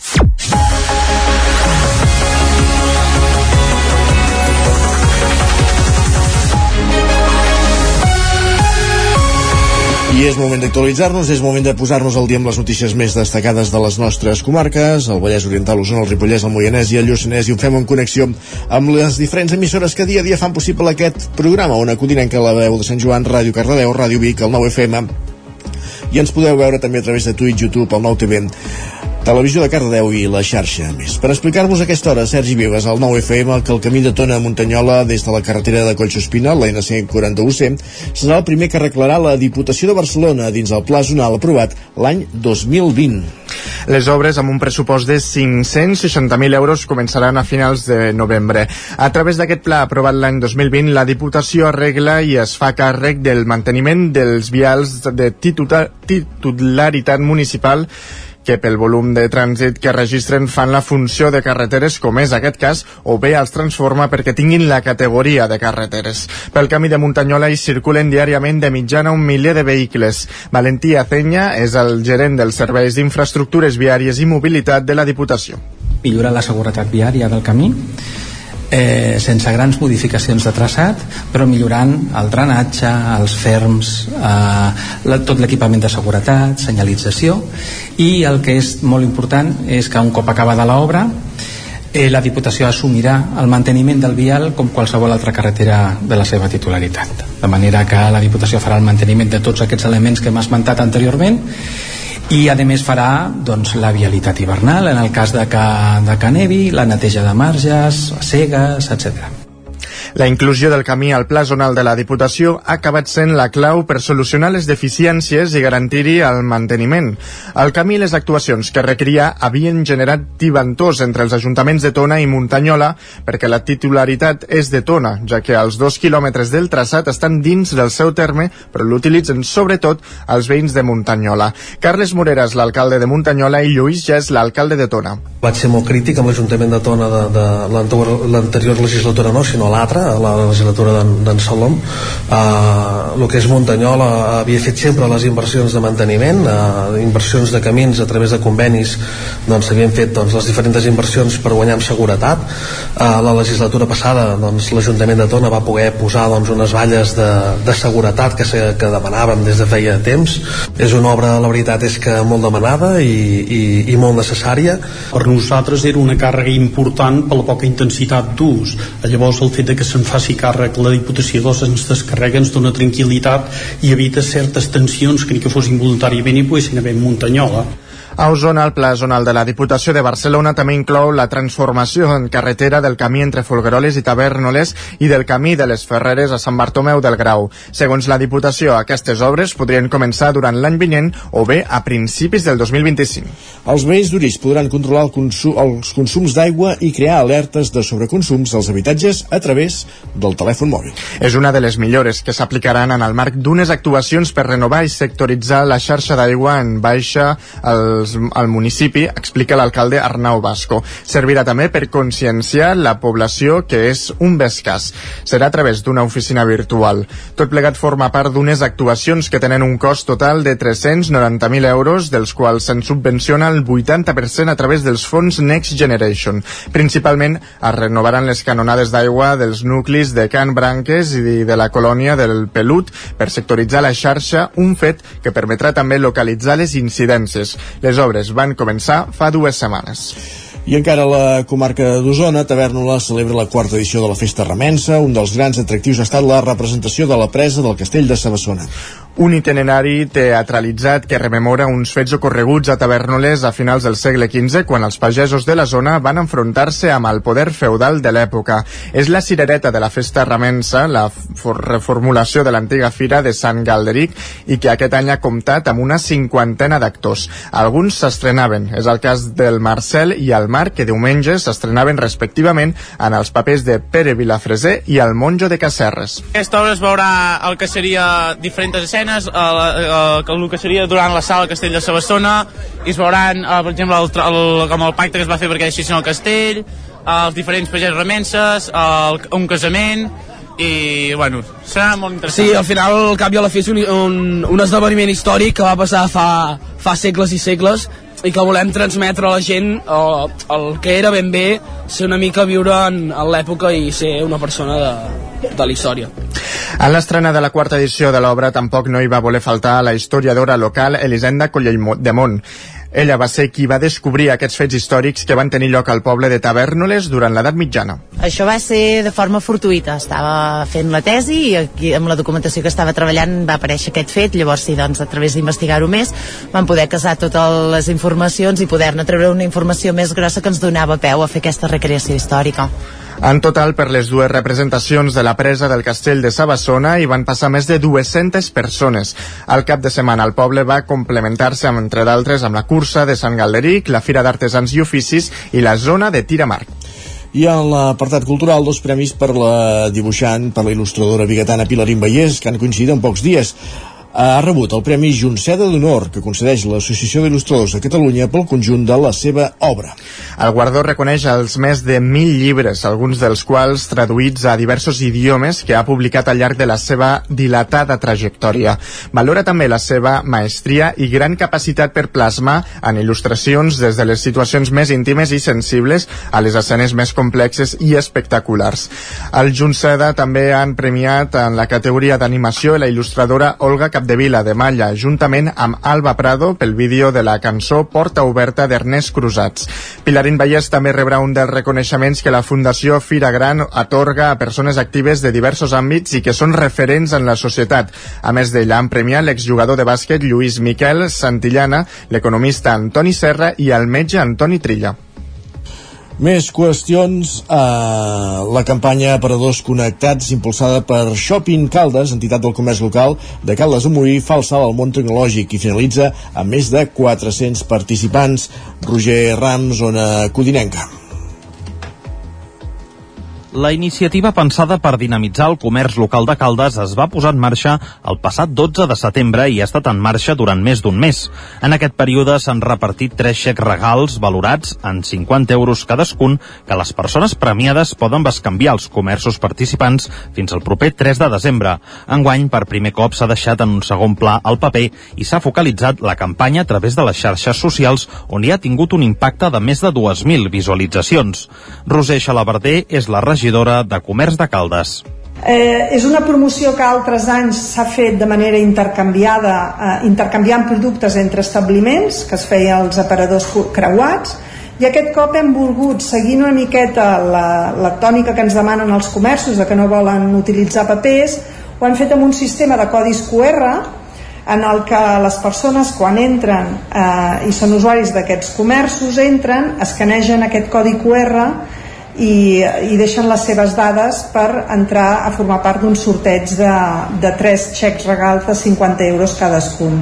Xalabarder explica que s'ha volgut aprofitar aquesta campanya comercial per obtenir dades tant dels comerços del municipi com també dels seus clients per tal de desenvolupar noves campanyes. El que volem és promocionar i, i tenir dades, no? Volem aprofitar aquestes, aquests, aquestes campanyes per tenir dades i perfils eh, de, dels comerços, de les persones que utilitzen el comerç interior de Caldes i estudiar i dissenyar les properes campanyes que fem en un futur. De cara als propers mesos amb les festes de Nadal a l'horitzó, des de la regidoria de comerç de Caldes i les associacions de comerciants, s'espera que s'organitzin noves campanyes per tal de promocionar el comerç local entre els veïns. Gràcies, Roger. I ara dos apunts de l'actualitat esportiva. Sens dubte el nom propi del cap de setmana és el del jugador del Barça, Marc Guiu, que marcava eh, el gol de la victòria de l'Atlètic de Bilbao 23 segons després de debutar amb la primera pilota que tocava. Marc Guiu és de Santa Maria de Palautordera, Enric Rubio, Ràdio Televisió Cardedeu. Doncs sí, així és, Isaac, així és, i és que l'equip va treballar durant tots els minuts per guanyar el partit, però no va ser fins al minut 80 que el jove Marc Guiu, de 17 anys, a la veïna població de Santa Maria de Palautordera, no va desencallar el partit. Només feia 23 segons que havia entrat al camp i va ser la primera pilota que va tocar la que va enviar al fons de la xarxa. Aquest partit significava el seu debut oficial a les ordres de Xavi en el primer equip del Barça. El jove baix monsenyenc ha estudiat al Cor de Maria de Sant Celoni i juga al Barça des dels 10 anys, on hi va arribar de prebenjamí i ara, en edat juvenil, és un dels jugadors que agraden a Xavi, que ja el va fer debutar en el partit amistós que el Futbol Club Barcelona va jugar al Japó en l'homenatge a Iniesta. Tenint en compte les baixes que té l'equip, és molt possible que de cara al proper partit de Champions d'aquest dimecres contra el Shakhtar Donetsk segueixi tenint protagonisme i que si és així continuï tenint-lo en el proper clàssic del dissabte vinent. Al final del partit, Guiu deia a TV3 que encara no s'ho creu i que està gaudint del moment i digerint l'emoció. Diu que no s'ho imaginava però que estat treballant tota la vida per aprofitar les oportunitats i que per fi ara ho ha aconseguit. Ha finalitzat les seves declaracions a la televisió catalana fent palès que li ha, donat, li ha suposat un honor fer el gol a Unai Simón, el porter de l'Atlètic Club i de la selecció espanyola absoluta. Gràcies, Enric. I un últim punt esportiu. Kilian Folguera i Abril Roma fan el doblet a la vandàlica BTT de Can de Bànol. Isaac Muntades, la veu de Sant Joan. Aquest diumenge, la vandàlica BTT, la prova de bicicleta de muntanya organitzada per la Unió Ciclista Can de Bànol, va estrenar un recorregut molt exigent en la seva cinquena edició. La vandàlica extén de 36 quilòmetres i 1.600 metres de desnivell positiu. El vencedor del recorregut va ser l'andorrà Kilian Folguera de l'Sprint Club Andorra, que va fer un temps de 2 hores 23 minuts i 13 segons. Folguera la va trobar dura, però també divertida. Tot i els núvols del matí, la pluja no va fer acte de presència, però el fred sí que va ser un enemic pel guanyador. Sembla que anava amb un noi que havia de fer l'altra cursa i al final diu que s'ha notat bé i ha seguit amb mi, jo crec que cap al quilòmetre 20 jo no m'he notat bé fins al 20 perquè com feia, avui feia una mica de fred i tal, allà m'he notat bé i he prestat una miqueta i bueno, m'he pogut distanciar però això, disfrutant a les baixades algun, algunes baixades estan humides i bé, pujant m'he notat bé Al podi van acompanyar-lo Aitor Martínez i Eric Escànez. El traçat de la prova va transcorrer per la zona est del municipi, passant pel Castell, el Pla de l'Home Mort, el Coll de Baux o Clarella. La vandàlica llarga de 33 quilòmetres va guanyar-la el ciclista del Radical Bikes, Albert Uller, que va fer un temps de 2 hores 13 minuts i 42 segons, seguit de Guillem Ausió i Albert Codinac. Així narrava Uller la victòria.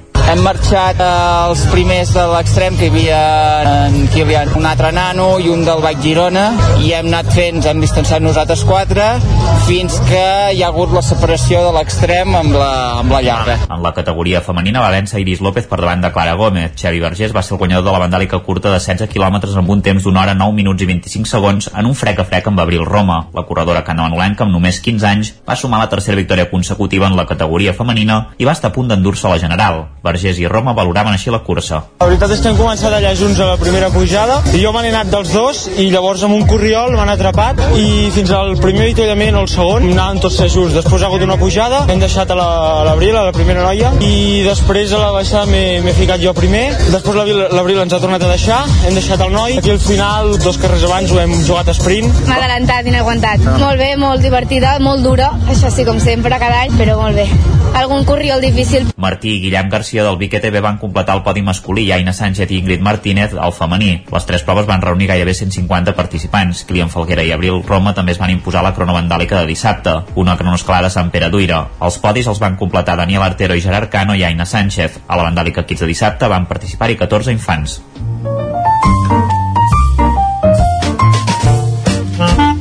Casa Terradellos us ofereix el temps. I de les notícies, el temps, Pep Acosta, quin temps farà avui? Benvingut de nou, bon dia. Hola, què tal? Molt bon dia. Uh, aquest front hi és història, i ja ha passat, s'ha anat uh, cap al nord, cap a França, i ens entra una mica vent, una mica de tramuntana, uh, poca cosa, però sí que farà baixar temperatura i també farà que avui tinguem un dia força, força estable molt de sol, només alguna nuvolada cap al Pirineu, en principi sense precipitacions, i unes temperatures que baixaran una mica respecte als d'ahir. Ahir, eh, moltes màximes, ahir entre els 24, 25, 26 graus, al migdia eh, s'estava molt, molt suau l'ambient, avui baixaran les temperatures amb aquesta mica d'entrada de vent de nord. Moltes màximes, la majoria entre els 20 i els 22 graus, eh, més o menys voltant aquests valors. Eh, temperatures, eh, no gaire contrast entre el dia i la nit, en definitiva bastant normals per l'època de l'any. Uh, de cara als pròxims dies uh, continuar aquest, aquest, uh, aquesta davallada i pujar temperatures serà una setmana bastant estable només algun front sembla que ens pot tornar a afectar de cara al cap de setmana però tornarà a ser no molt, no molt intens i no molt, no molt important al front. No hi ha manera, com dic, que vingui un temporal de puges importants que és el que hauria de venir. Moltes gràcies i fins demà. Adeu. Gràcies, Pep. Ara mateix un quart d'onze al Territori 17. Casa Tarradellas us ha ofert aquest espai. Territori 17. Envia'ns les teves notes de veu per WhatsApp al 646 079 023. 646 079 023. WhatsApp Territori 17.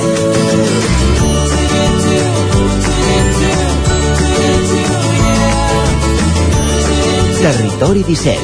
Som a Facebook, Twitter i Instagram amb l'usuari Territori 17.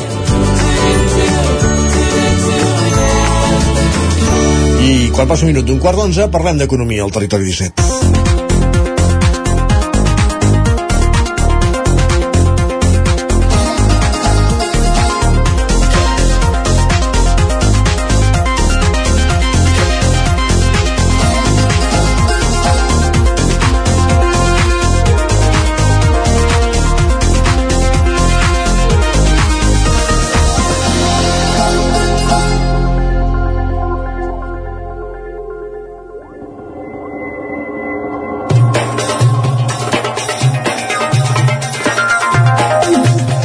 Avui a l'espai d'economia que tenim cada setmana, que ens, en el qual ens acompanya cada setmana Joan Carles Arredondo, el cap d'Economia de, del 9-9 del Vallès Oriental, volem parlar d'un concepte que ha aparegut durant la campanya de les presidencials argentines, eh, que tenien una primera volta al passat diumenge amb la victòria sorpresa de, del candidat peronista, però que s'ho disputarà una segona volta amb l'ultradretà Javier Milei, que és el que ha posat sobre la taula el concepte del qual avui parla, vol parlar en Joan Carles Arredondo en aquesta secció d'Economia. Joan Carles, benvingut, bon dia. Bon dia. No, no, no és que vulguem fer una secció internacional, eh, però No? Bueno. després explicarem per què, Per què hem què arribat. és també pertinent també pertinent poder-ne parlar aquí, eh? Um, durant aquesta campanya, aquest senyor escavallat, eh? Va, va, té un pentinat, eh, bueno, pentinat, cabell bastant curiós. Doncs, um, doncs a l'Argentina ha reaparegut el concepte de do- dolarització. Intentarem explicar una mica què vol dir això la dolarització i quines implicacions tindria. Eh, posem una mica en context, eh? a Europa han saltat les alarmes quan la IPC ha fregat el doble dígit, eh? quan, quan s'ha posat l'IPC al 10%, ha començat a saltar les alarmes, Banc Central Europeu pujant tipus d'interès, tothom neguitós, doncs a l'Argentina no els resulta gens estrany festejar amb una inflació per damunt del 100%, eh, de triple dígit. Carai. Ara mateix estan 125, 130 eh? imagineu-vos eh, quin neguit hi hauria aquí no? clar, amb, amb aquestes condicions és evident que l'economia està centrada en el, de, el debat electoral i com dèiem, eh, no volem entrar en qüestions de política internacional perquè diguem que no és ni el, nostre, ni el nostre focus, ni la nostra expertesa, ni el nostre coneixement, ni res, però sí que és interessant conèixer què significa això de la dolarització. Eh, val la pena assenyalar que forçar la introducció com a valor de canvi, eh, això, eh, aquesta, aquesta equivalència de moneda, eh, tendeix més a l'error que l'encert. Eh, la solució del candidat d'extrema dreta que disputarà la presidència en el país en aquesta segona volta, explicaves molt bé al principi, les, aquestes eleccions són el 19 de novembre, doncs aquest senyor, Javier Milei, um, doncs ha resultat es, especialment sorprenent que aquesta proposta hagi aparegut si s'atén a la història de l'Argentina i l'episodi del Corralito. Mm? més enllà de les justificables antipaties que pugui suscitar el perso un personatge que encarna tots els defectes d'un candidat d'ultradreta, és pertinent plantejar si la proposta d'eliminar la moneda pròpia i assumir el dòlar és, en primer lloc, factible i, en segon lloc, encertada com a solució als mals econòmics del país.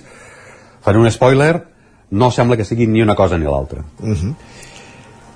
Val a dir que tampoc és una ocurrència. Eh? Uh, hi ha països llatinoamericans que tenen el dòlar com a moneda, Panamà, El Salvador i l'Equador. Per les circumstàncies de tots tres països, eh, especialment perquè fa la relació econòmica amb els Estats Units, són ben diferents que les argentines. Tot això mirarem d'explicar. El que dèiem, eh, amb una inflació que arriba a ser del 140% i amb un 40% de la... Sí, sí, han, han tingut pitjors moments, eh? Vull dir, han tingut moments de 1.000%, eh? De, Entesos. O sigui, la inflació es va endur per davant la moneda que tenien a finals dels, dels, dels 80, que es deia Austral, se la, se la van carregar, diguem-ne, eh? amb, amb, amb aquestes inflacions tan, tan desmesurades. Dèiem això, eh? aquesta inflació triple dígit, 40% de la població en situació de pobresa, clar, en aquestes circumstàncies tota solució que es plantegi captarà l'atenció dels electors. De fet, dels electors i internacionalment, aquesta ha sigut una de les propostes que, de les quals més s'ha parlat internacionalment, eh, aquesta de la dolarització. En aquest sentit, el candidat ultraliberal, ell es diu llibertari o diguem-ne d'ultradreta, ha aconseguit fixar la seva proposta com un dels marcs del debat electoral. Tampoc és, no és estrany que en un país en el qual les grans transaccions, compra d'habitatges, cotxes, etc es fan en dòlars, i, i un país en el qual s'ha institucionalitzat un mercat negre de canvi de divises eh? no, no, no és estrany que aparegui el dòlar com a... No, tampoc és una marcianada la proposta mm.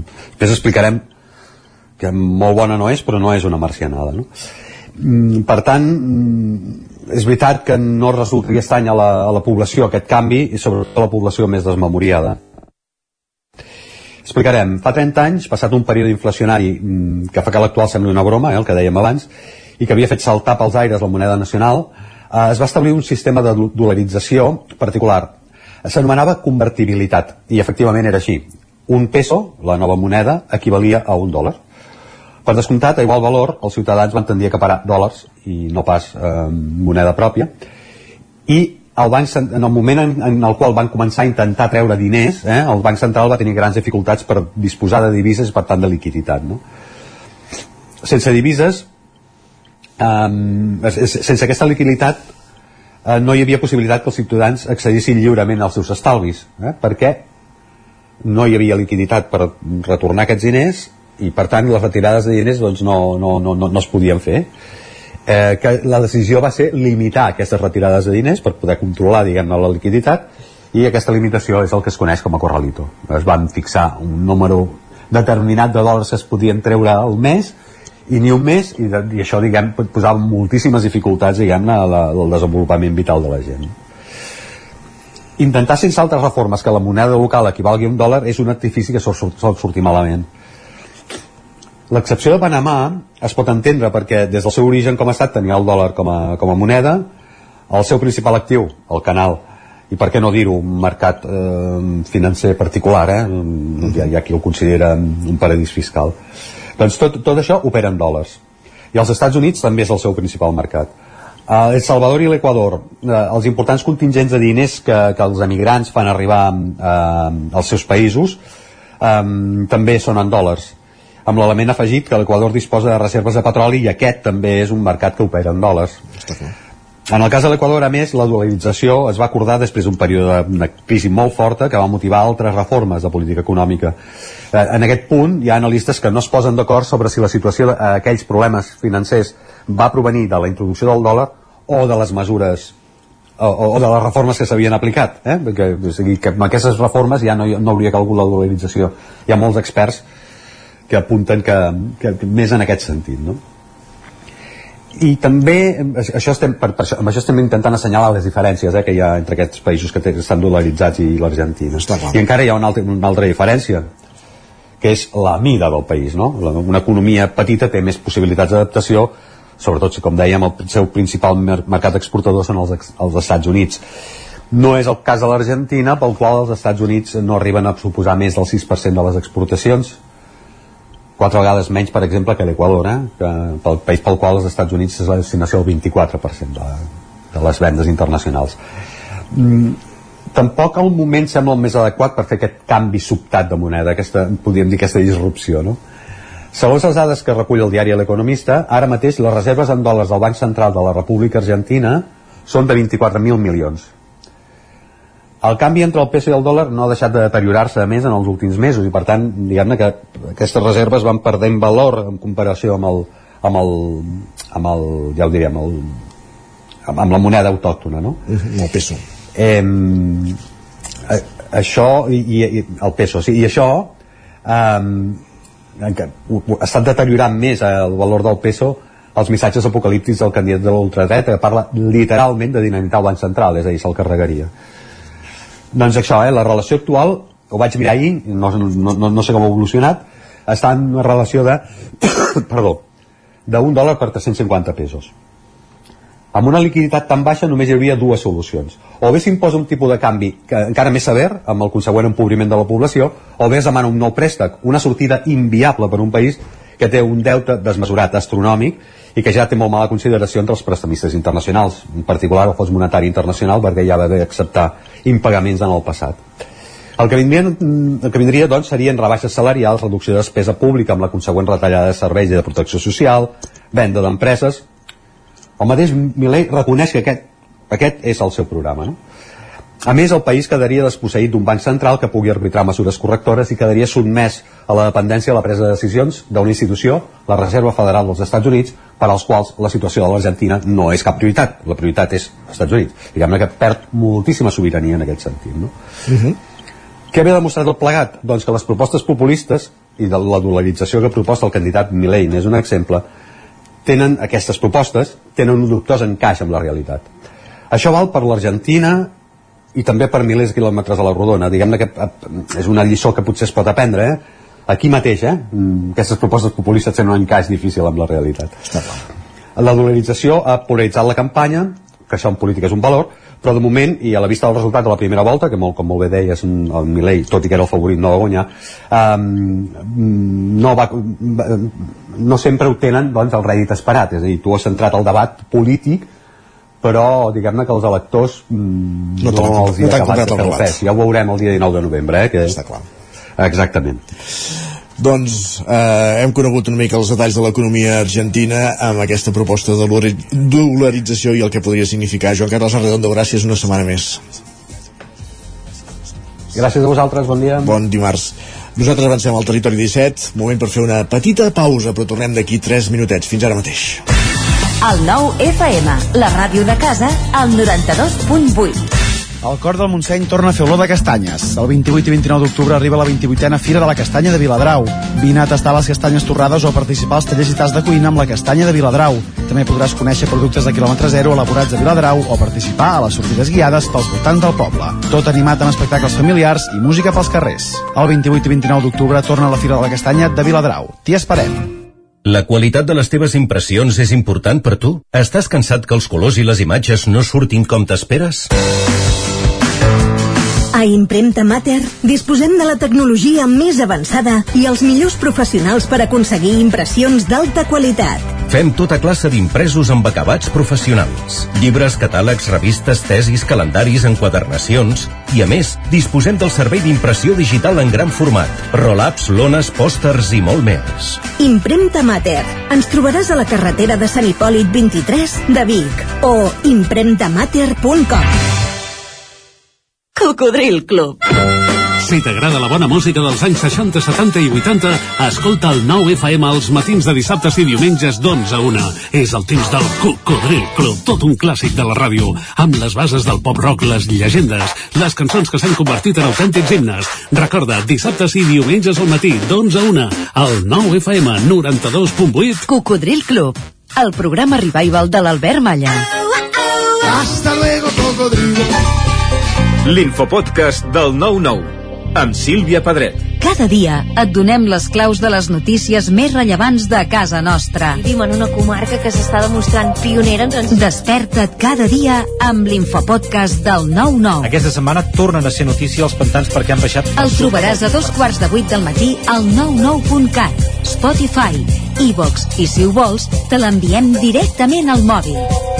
Subscriu-te als canals de WhatsApp i Telegram del 99. Soc Sílvia Pedret. Comencem. Cada dimarts a les 11 de la nit, al 9 FM, repàs de l'actualitat esportiva a la banqueta. Imagines un programa de política, d'economia, feina... Doncs ja te'n pots oblidar. Quin tinglado! Un programa d'entreteniment, actualitat, cultura i molt rigorós. Amb Bata Serrat, Miquel Giol i Eudal Puig. Un programa que no passarà a la història i que tampoc guanyarà cap ondes. No ens flipem. Escolta'l cada dijous en directe de 8 a 9 del vespre al 9 FM. Ai, ai, ai, quin tinglado! Anuncia't al 9 FM. La màquina de casa. 9 3 8 8 9 4 9 4 9. Publicitat arroba al 9FM.cat. Anuncia't al 9 FM. La publicitat més eficaç. El 9 FM. El 9 FM. En punt, dos quarts d'onze, al territori 17.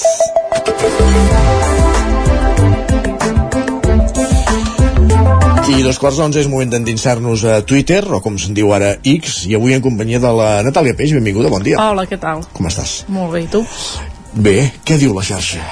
Home, la xarxa diu, i el calendari també, que just d'aquí una setmana sí. és la castanyada. Exacte. I per tant començarem per aquí, no sé si ja teniu els plans fets de cara al dia 31, però vaja, allò, si voleu anar una mica en previsió, la Marta pregunta, aquest any a quin preu són els panellets? Carai, no sé si tu exacte has fet la pregunta, si has anat a investigar. No, però sí que et pot donar una resposta. El Territori 17, d'aquí una setmana, precisament, el dia 31, dimarts, en Miquel Giols anirà a, a la pastisseria Can Carrial Prats, la pastisseria Prat de Roda de Ter, allà on fan el millor croissant d'Espanya. També Alerta. fan bons panellets? També fan bons panellets i també fan croissants de panellets. Carai! Tot això ho explicarem d'aquí una setmana amb una connexió des d'aquí al Territori 17.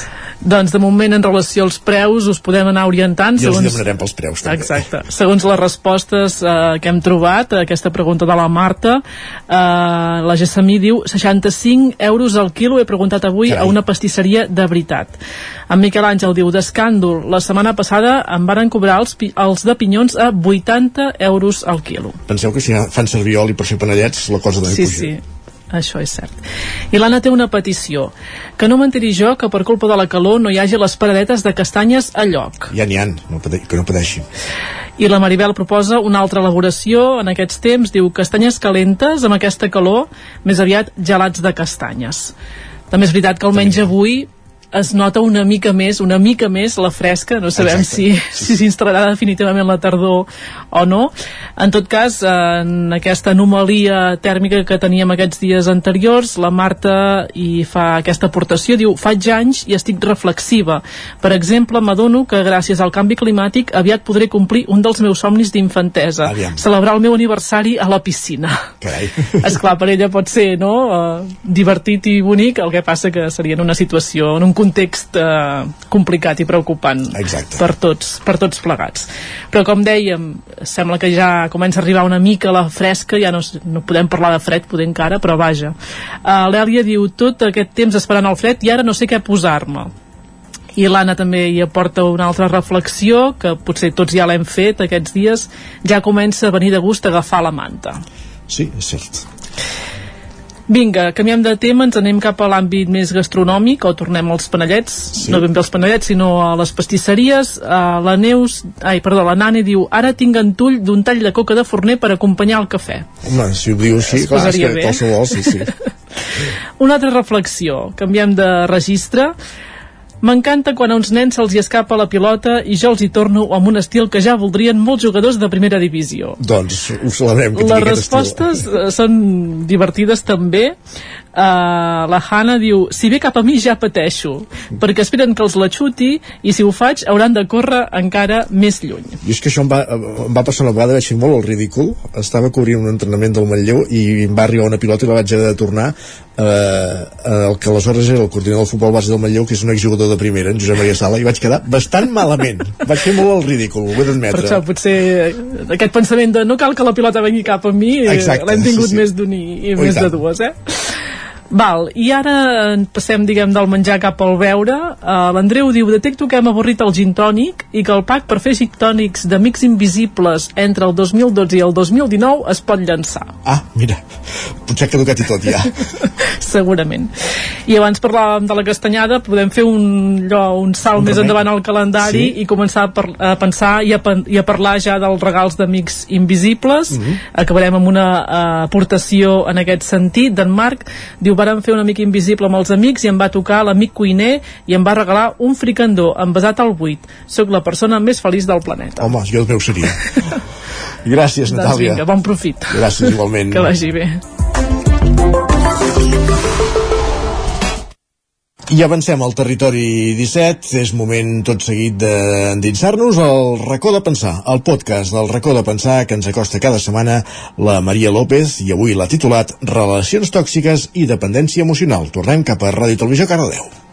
L'amor, l'amistat, els vincles familiars i en general les relacions amb qualsevol altra persona esdevenen un pilar fonamental a la nostra vida. Som animals socials, necessitem els vincles per tenir una vida emocionalment sana i la por a la soledat és un monstre de grans dimensions que sovint ens fa actuar d'una manera o una altra. Però qualsevol relació ens ajuda a tenir una vida emocionalment sana? La resposta és no. A vegades, i per diversos motius, les relacions esdevenen destructives, poc saludables i generen malestar psicològic o una o a totes dues parts de la parella. En aquest tipus de relacions tendim a deteriorar-nos, a desgastar-nos, l'autoestima es veu directament afectada i la dependència emocional, aquesta necessitat excessiva d'afecte i aprovació per part de l'altre, creix a mesura que passa el temps. Les relacions tòxiques no sols es donen a la parella, poden aparèixer també entre membres de la mateixa família, entre amics, fins i tot amb companys de feina. I la trampa de tot això és que en aquestes relacions sol haver-hi molta intensitat i afecte, la qual cosa complica i dificulta tallar-les de manera dràstica. El control, el gelos o la manipulació són alguns dels elements habituals d'una relació tòxica, però sobretot aquesta dependència, aquesta incapacitat per deixar la relació que es converteix en una mena d'addicció. I el que és més interessant, fins i tot la persona més estable del món es pot veure atrapada en un moment concret de la seva vida en una relació tòxica. Però hi ha relacions tòxiques o persones tòxiques. I aquí té més tendència a crear aquest tipus de relacions? Què les fa tan addictives? Quines són les alarmes que ens poden preavisar de que una relació s'està tornant tòxica? Com es pot trencar aquesta dependència quan un es veu atrapat en una relació d'aquest tipus? Us parla la Maria López i això és El racó de pensar.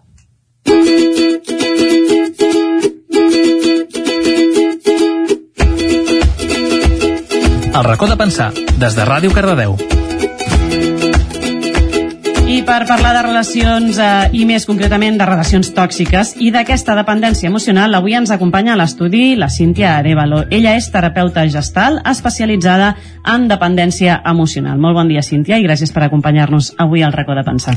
Hola, bon dia, Maria. I ens ha acompanyat també per poder parlar-nos en primera persona del que significa precisament estar atrapat en una relació tòxica de dependència emocional, l'Adrià Gómez. Ell ha estat pacient de la Cíntia i vull agrair-li molt especialment que hagi estat disposat a acompanyar-nos i compartir amb nosaltres la seva història. Benvingut, Adrià. Hola, bon dia, gràcies a vosaltres.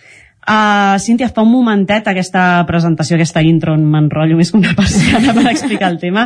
Jo llançava a l'aire aquesta pregunta de si hi ha persones que tenen un perfil més propens a tenir relacions tòxiques. Hi ha qui té aquesta tendència o no té res a veure?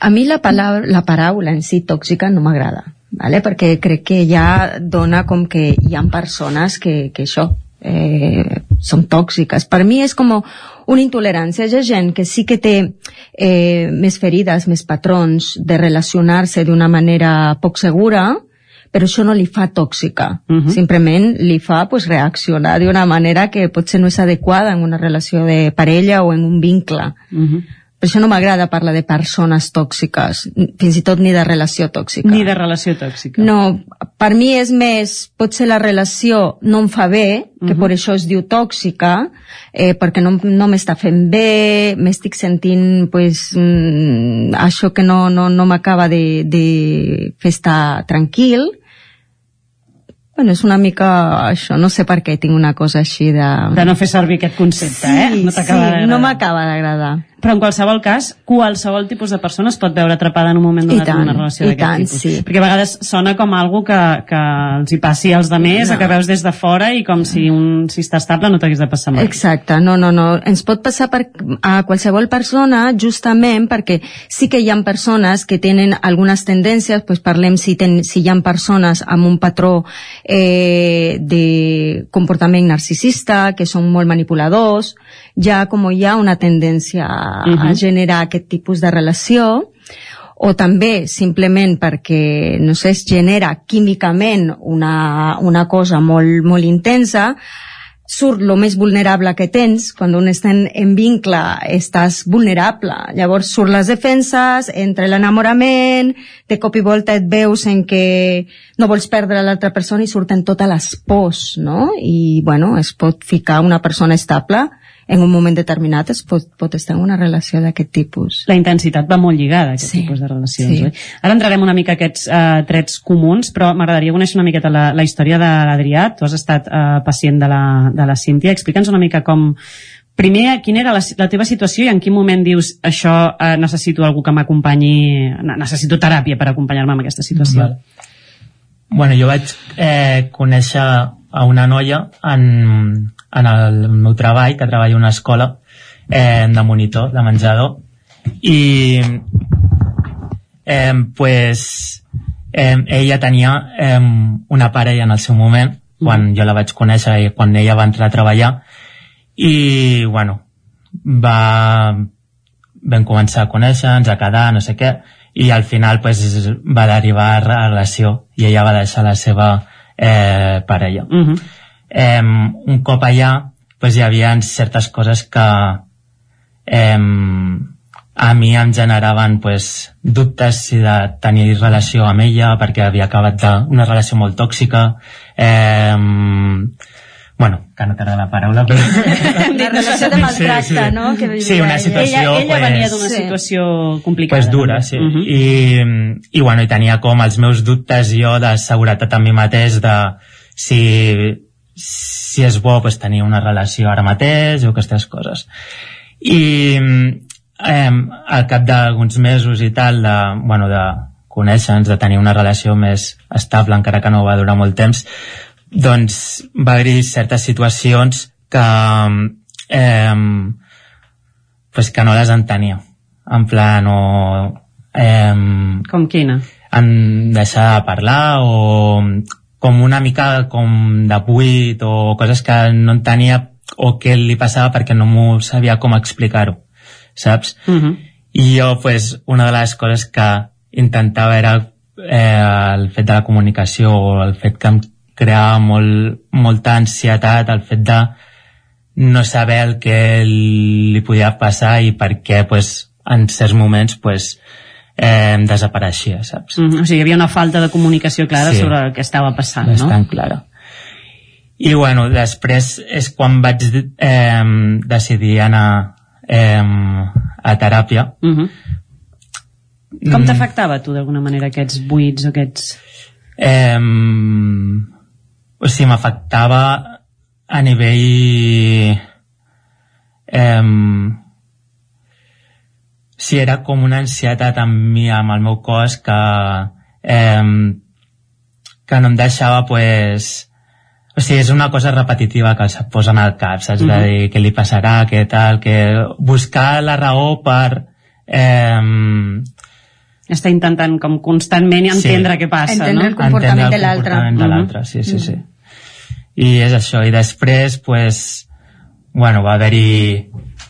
El tema és que, com treballàvem junts, tenim amics en comú, bueno, vam fer un viatge junts, bueno, que vam anar a Palamós, tal, i, i això, i, i aquell comportament es va com potenciar, Mhm. en plan de eh, no saber què passava perquè no em parlava eh, i no sabia quina situació o sigui, que, que estava succeint i els dies següents pues, eh, del viatge pues, eh, em vaig enterar que, pues, que havia tornat a la relació anterior O sigui, mentre estava amb tu havia tornat... O sigui, Sí, o sigui, història... ella mateixa encara no m'havia...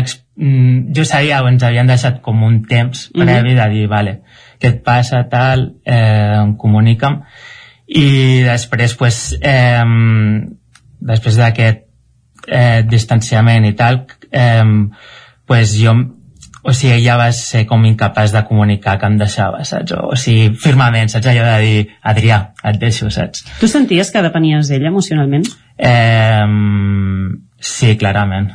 Per És- bus O, o, on, amb quines coses es detecten aquestes coses, Cíntia, quan l'Adrià et ve a veure, en què detectes tu d'alguna manera que ha entrat en una dependència emocional? Pues justament, justament això, no?, que deia, de que deixes de, de pensar en tu, d'estar en les teves coses i comences a estar pensant en què li passa a l'altre, per què està succeint això, i tot s'aboca a l'altra persona, a entendre el comportament, tot el lo que penses i el que vols fer és perquè aquest, aquest, aquest vincle estigui regulat, estigui bueno, tot, tot el pensament, comportament i, i emocionalitat té a veure amb l'altra persona i et perds a tu mateix de la teva vida una mica, no? De, de, de, de les teves coses. Sí, Adrià? Sí. Te, ressona? Mm. Sí, sí, sí. Jo entenc d'alguna manera per això que una de les coses que ha de fer que, que davant una situació així un no pugui dir directament això no, ho aparto, és que no tot deu ser dolent i això segurament és el que deu generar aquesta addicció quasi, no? de la que parlàvem al principi uh, tot era dolent amb, amb aquesta parella o hi havia moments de... No, no, no. Sí, hi havia moments o sigui que a mi em feien sentir pues, molt a gust, molt en plan molt bé, sí, sí. Eh, però sí, jo, que, o sigui, jo crec que també va molt o sigui, una de les coses que jo he treballat amb la Cíntia eh, és que també moltes coses que a mi em passava era en relació eh, que em recordava pues, eh, a la meva infància o a la meva eh, adolescència Uh -huh. eh, i que moltes coses, o sigui, molts eh, moltes eh, addiccions que tenia cap a ella venien generades de les meves situacions de, del passat. En Poden ressonar altres inseguretats. Sí, altres inseguretats altres- i moltes de les inseguretats que jo tenia eren envers a, a, a lo que jo havia viscut en, en moltes situacions. Ha sortit ja dos o tres vegades la paraula addicció. Uh, mm. El cervell funciona quasi com amb una addicció en aquests casos? Explica'ns com, com això. Totalment, o sigui, se segreguen quan un entra en vincle, en aquest espai se segrega una sèrie de químics els que coneixem, serotonina, oxitocina, no? que, que genera aquest benestar. Aquest benestar, ah. Aquest benestar. Llavors, què passa amb una relació de dependència?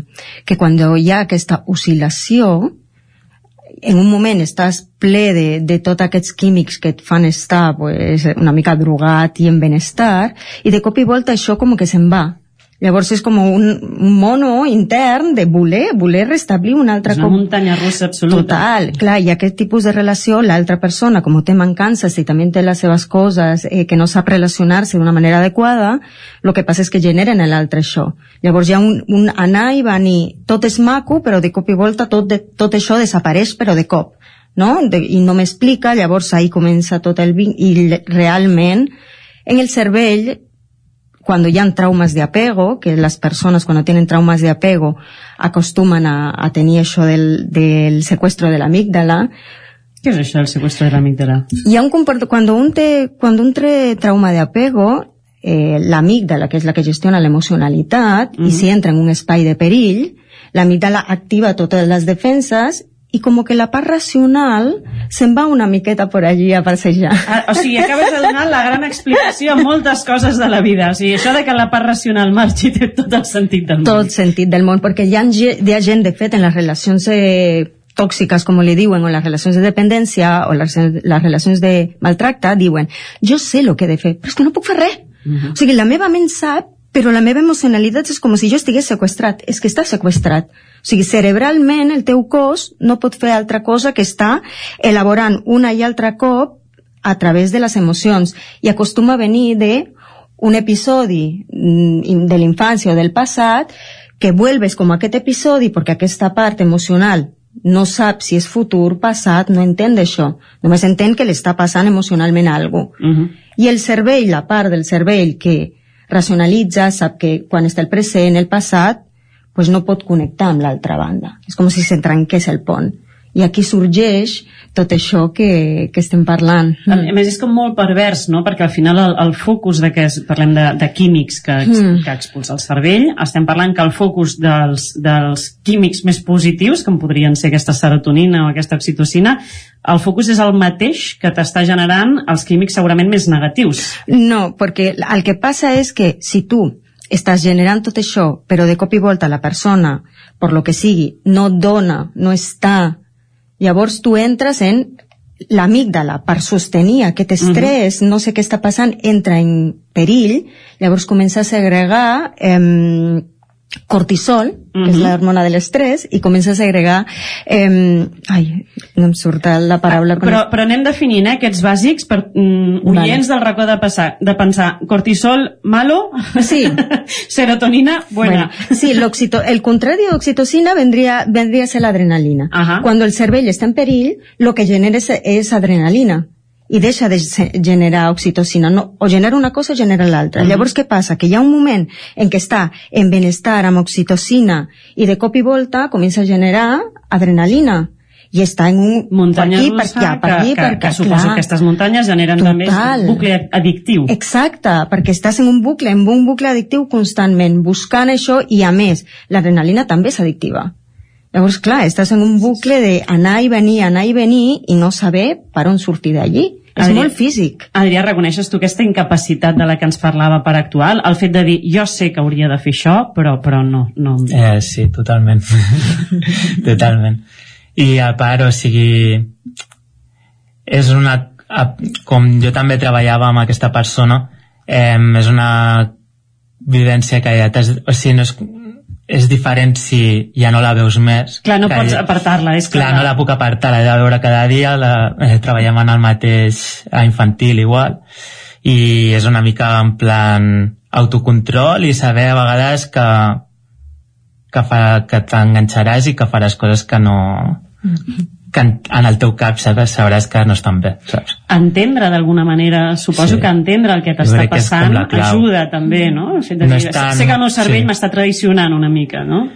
i a vegades no automatxacar-te, saps? O sigui, entendre que això, pues, també és una addicció, és com deixar de fumar o, o moltes coses, de dir, uah, pues un piti, pues, saber per què te l'estàs fumant, saps? Agafar el control d'alguna manera Sí. de les teves pròpies eh, Sí, sí, addiccions, addicció, no? sí, per sí, dir-ho així. totalment. Uh, quines serien les, les alarmes? Segurament hi ha molta gent que està escoltant el, el, aquest programa i potser una vegada s'ha plantejat ostres, això que em passa amb la meva parella o amb aquesta amic o amiga mm, em genera malestar però no ho acaba d'identificar com una relació tornarem a dir tòxica perquè Mhm. és la manera generalitzada de dir-ho però no, no ho acaba d'identificar com a tal quines podrien ser aquestes alarmes que, a les que hem d'escoltar i dir, Mm. epa, què ens està passant? Sobretot la intensitat si ha passat l'etapa de l'enamorament, perquè en l'enamorament hi ha molta intensitat, però sí que hi han coses de que no acabo d'estar bé jo. O sigui, em, em trobo de que necessito de l'altre, estic pensant constantment en l'altre, és com, on estic jo? Com que em costa tornar a mi, jo crec que és una de les coses que, que més uh, es pot tenir en compte. Deixo de, passo tot el dia sent a la feina als meus amics pensant en l'altra persona, en com solucionar això que ens ha passat. Llavors, si jo estic deixant d'estar en mi el, molt de temps, llavors mm, pot ser que la teva relació bueno, no està del tot regulada, no? Sana. I pot ser que això precisament es confongui, bé, parlaves d'una etapa d'enamorament, mm. que, que es confongui precisament amb que allò és més especial o que mm. li, mantenir aquesta intensitat Clar. amb el temps, uh, no sé fins a quin punt la gent amb aquesta situació ho justifica. Sí, Sí, sí, sí. Al principi és natural, eh? Però clar, en l'etapa d'enamorament la majoria de coses són maques. O sigui, tot es viu amb intensitat, però tu estàs en un flipe guai. en canvi, quan hi ha un enamorament, en un enamorament, ja com hi ha coses rares, estic bé, però de, després estic plorant i després no sé què fer, mm. llavors aquí sí. Sospita, ha, no? Ah, sospita. O sigui, si hi ha muntanya russa massa dràstic, llavors vol dir que no, no estem del tot... Eh, en un enamorament que al principi hauria de ser tot maco, uh -huh. no? en un enamorament. Imagino per això que quan es troben eh, dues persones, si degut al que dèiem, no? potser certes mancances anteriors o certes coses mm. no resoltes dins, es comencen a generar aquestes coses, si a l'altre qui, qui rep, si l'altre membre d'alguna manera té el, el centre posat d'una altra manera, és possible que ja no es desenvolupi aquesta, aquesta toxicitat, per dir d'alguna manera. Suposo que un dels grans problemes és quan s'ajunten dues persones amb certes mancances, mm. això deu ser... Que és el que acostuma a passar. Perquè segurament tots tenim molt, moltes més mancances de les que ens pensem sí. que tenim, començant per aquí, no? Sí, la majoria, tot, tot ve del, de l'apego, no? O sigui, tots necessitem eh, l'apego per desenvolupar-nos bé. Dues coses bàsiques és sentir-me bé amb mi mateix i sentir-me confiat en el món. Uh -huh. La majoria de gent, pues, o ens sentim bé amb nosaltres mateixos però no confiem en el món o confiem en el món però no sabem sentir-nos bé amb nosaltres mateixos. Llavors acostuma a passar que els que se senten bé amb si mateixos el que mm, busca això, ai, aquest, jo no em sento bé amb mi mateix, m'encanta com és tan segura de si mateixa aquesta altra persona, llavors busca l'altre. I l'altra persona diu, aquesta sembla que se sent còmoda en el món, que és el que a mi em falta, uh -huh. a mi jo, jo desconfio del món i de la gent, m'agrada, llavors fan maig. I clar, i aquí comença la relació i es comença pues, cadascú en les seves defenses a, a generar aquest tipus de relació. Una vegada explicar i sonava tan esgotador mentalment sí. i emocionalment, suposo que és un desgast eh, enorme. Mm. Jo no sé uh, tu com ho vas viure, Adrià, però imagino que, que això físicament i emocionalment deu ser esgotador. Sí, sí, la veritat que sí. O sigui, eh, jo sortia de la sessió de la sentia en plan Dios, com si m'hagués eh, atropellat un tren, saps? O sigui, I amb feines, amb, segurament, sí. no? amb deures. Sí, sí, tant, i amb deures i amb... I també, pues, en pensar, pues, al final és una cosa 24-7 de pensar de, de què estic en fent bé o de què puc eh, desintoxicar-me d'aquesta persona o que puc fer de la manera més sana per mi. I també conèixer amb els meus punts febles ha estat com un, des, un desgast molt, molt heavy. Però segurament un creixement personal. També un creixement, que li estic superagraït com, com, què ha de fer l'entorn? Uh, perquè segurament moltes eh, i molts de qui ens estan escoltant han tingut en el seu entorn o han viscut de prop com un amic, un germà, una germana ha entrat en una relació de, de dependència i, i no, no, no sabem moltes vegades com, com actuar, no? perquè en el fons se suposa que el que li està passant és bo, que s'ha enamorat, però tu veus coses que no mm. acaben de, de lligar-te del tot. Com hem d'actuar a l'entorn si és que podem fer alguna cosa? Perquè en el fons, que dèiem, és ben bé una addicció. Per mi la recomanació és eh, eh, respectar una mica, perquè la, com el que parlàvem és molt cerebral i hi ha una com, incapacitat en aquest moment de sortir d'allí o de veure-ho, la gent acostuma a dir-li és es que no surts d'allí, surt d'allí ja. Amiga, date cuenta. No, no veus que això està passant i és, ja, hi ha una part que, que veu, però hi ha una part que no vol veure-ho i, i, i com que la gent t'atiborra de, de, de culpa. Uh -huh. Llavors et fa sentir culpable perquè dius que sóc tonto, tonta, o sigui, jo estic veient que estic en aquesta situació i no puc sortir d'aquí, llavors algo em passa. Llavors, a sobre de lo que, està, lo que li està passant a la persona hi ha culpa. Afegeix. I, clar, el primer és treure la culpa Mhm. i a partir d'aquí començar un procés per, per sortir d'allí com puc. Doncs amb aquestes paraules de l'experiència, de la pròpia història de l'Adrià i amb la, els grans tips que ens ha deixat avui la Cíntia, arribem al final del racó de pensar. Moltíssimes gràcies, Cíntia, per haver-nos ajudat a conèixer una mica més com funcionen aquestes relacions. Esperem rebre't en una propera ocasió aquí a la racó de pensar. Ha estat un autèntic plaer. Moltes gràcies per convidar-me. I moltíssimes gràcies també, Adrià, per haver compartit amb nosaltres la teva història personal i enhorabona també per haver sigut capaç eh, d'avançar i superar aquell moment. Gràcies a vosaltres. I a totes i tots vosaltres que ens escolteu cada programa, gràcies per acompanyar-nos una setmana més en aquest raconet que tant ens estimem i on ens agrada posar sobre la taula tots aquells temes que necessiten aquesta segona lectura per ajudar-nos a créixer. A tots i a totes us espero la setmana vinent perquè toca parlar d'un dels grans tabús de la nostra societat i és que la setmana vinent parlarem de la mort i de per què ens costa tant fer front a aquest tema. Ens escoltem la setmana vinent en un nou programa del racó de pensar. Doncs molt apropiat la setmana vinent, eh, prèvia vigília de Tots Sants, parlar de la mort aquí al racó de pensar, al territori 17. Gràcies, Maria, una setmana més amb el racó de pensar que acabem el programa d'avui. Dimarts 24 d'octubre des de, de 2023 us hem acompanyat des de les 9, Enric Rubio, Roger Rams, Isaac Muntades, Pep Acosta, Joan Carles Arredondo, Natàlia Peix, Maria López, Sergi Vives, Isaac Moreno. El territori 17 hi torna demà a partir de les 9. Fins aleshores, molt bon dimarts i gràcies per ser-hi. Adéu-siau.